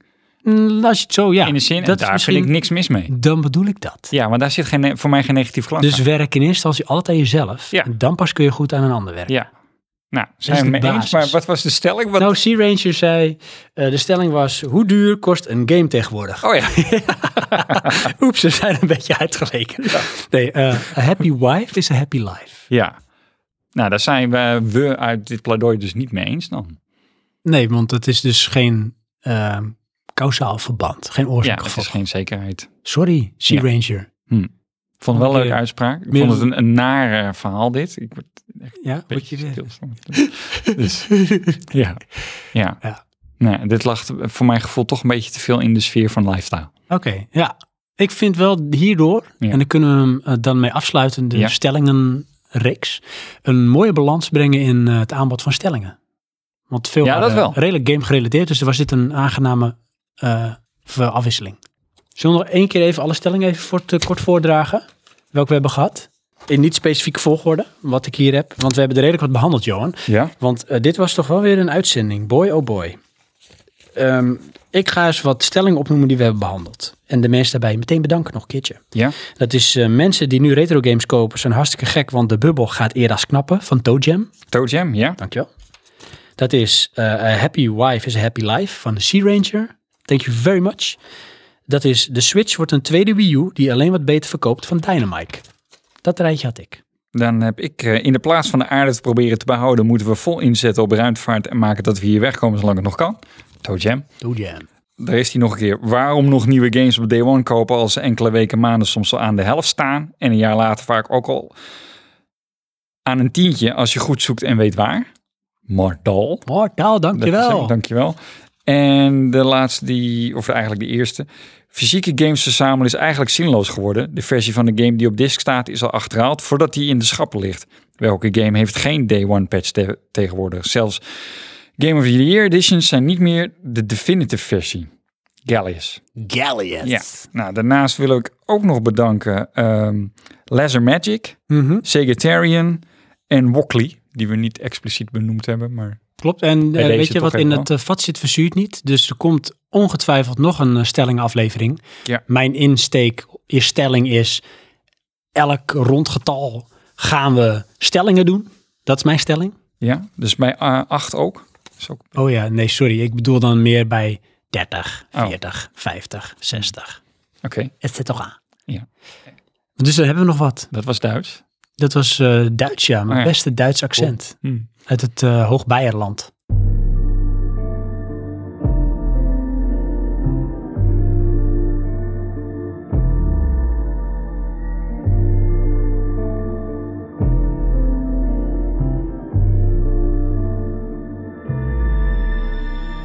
Zullen we gaan afronden, Johan? Doe dat. Want wie zijn wij?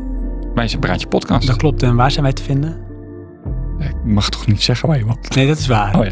Maar ook Eh, wij de zijn te spirituele- vinden eh, op eh, eh, een rare plek genaamd het internet. Oh my god. Onder eh, www.praatjepodcast.nl. Klopt. En ook op Facebook. Ja.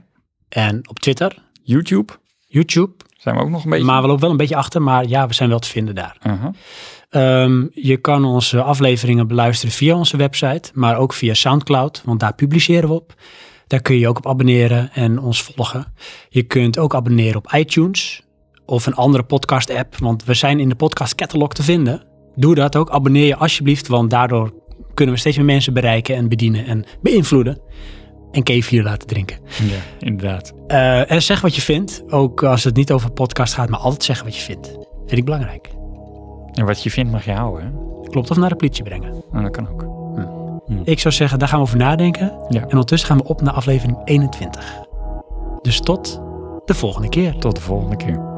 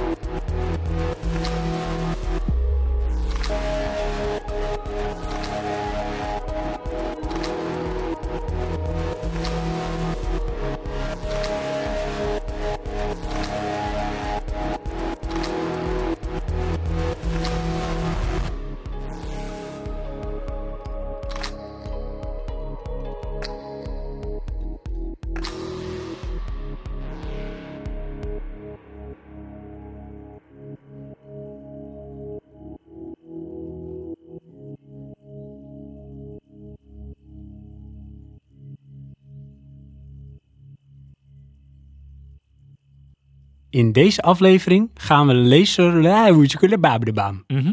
Two of those. please. En french fries.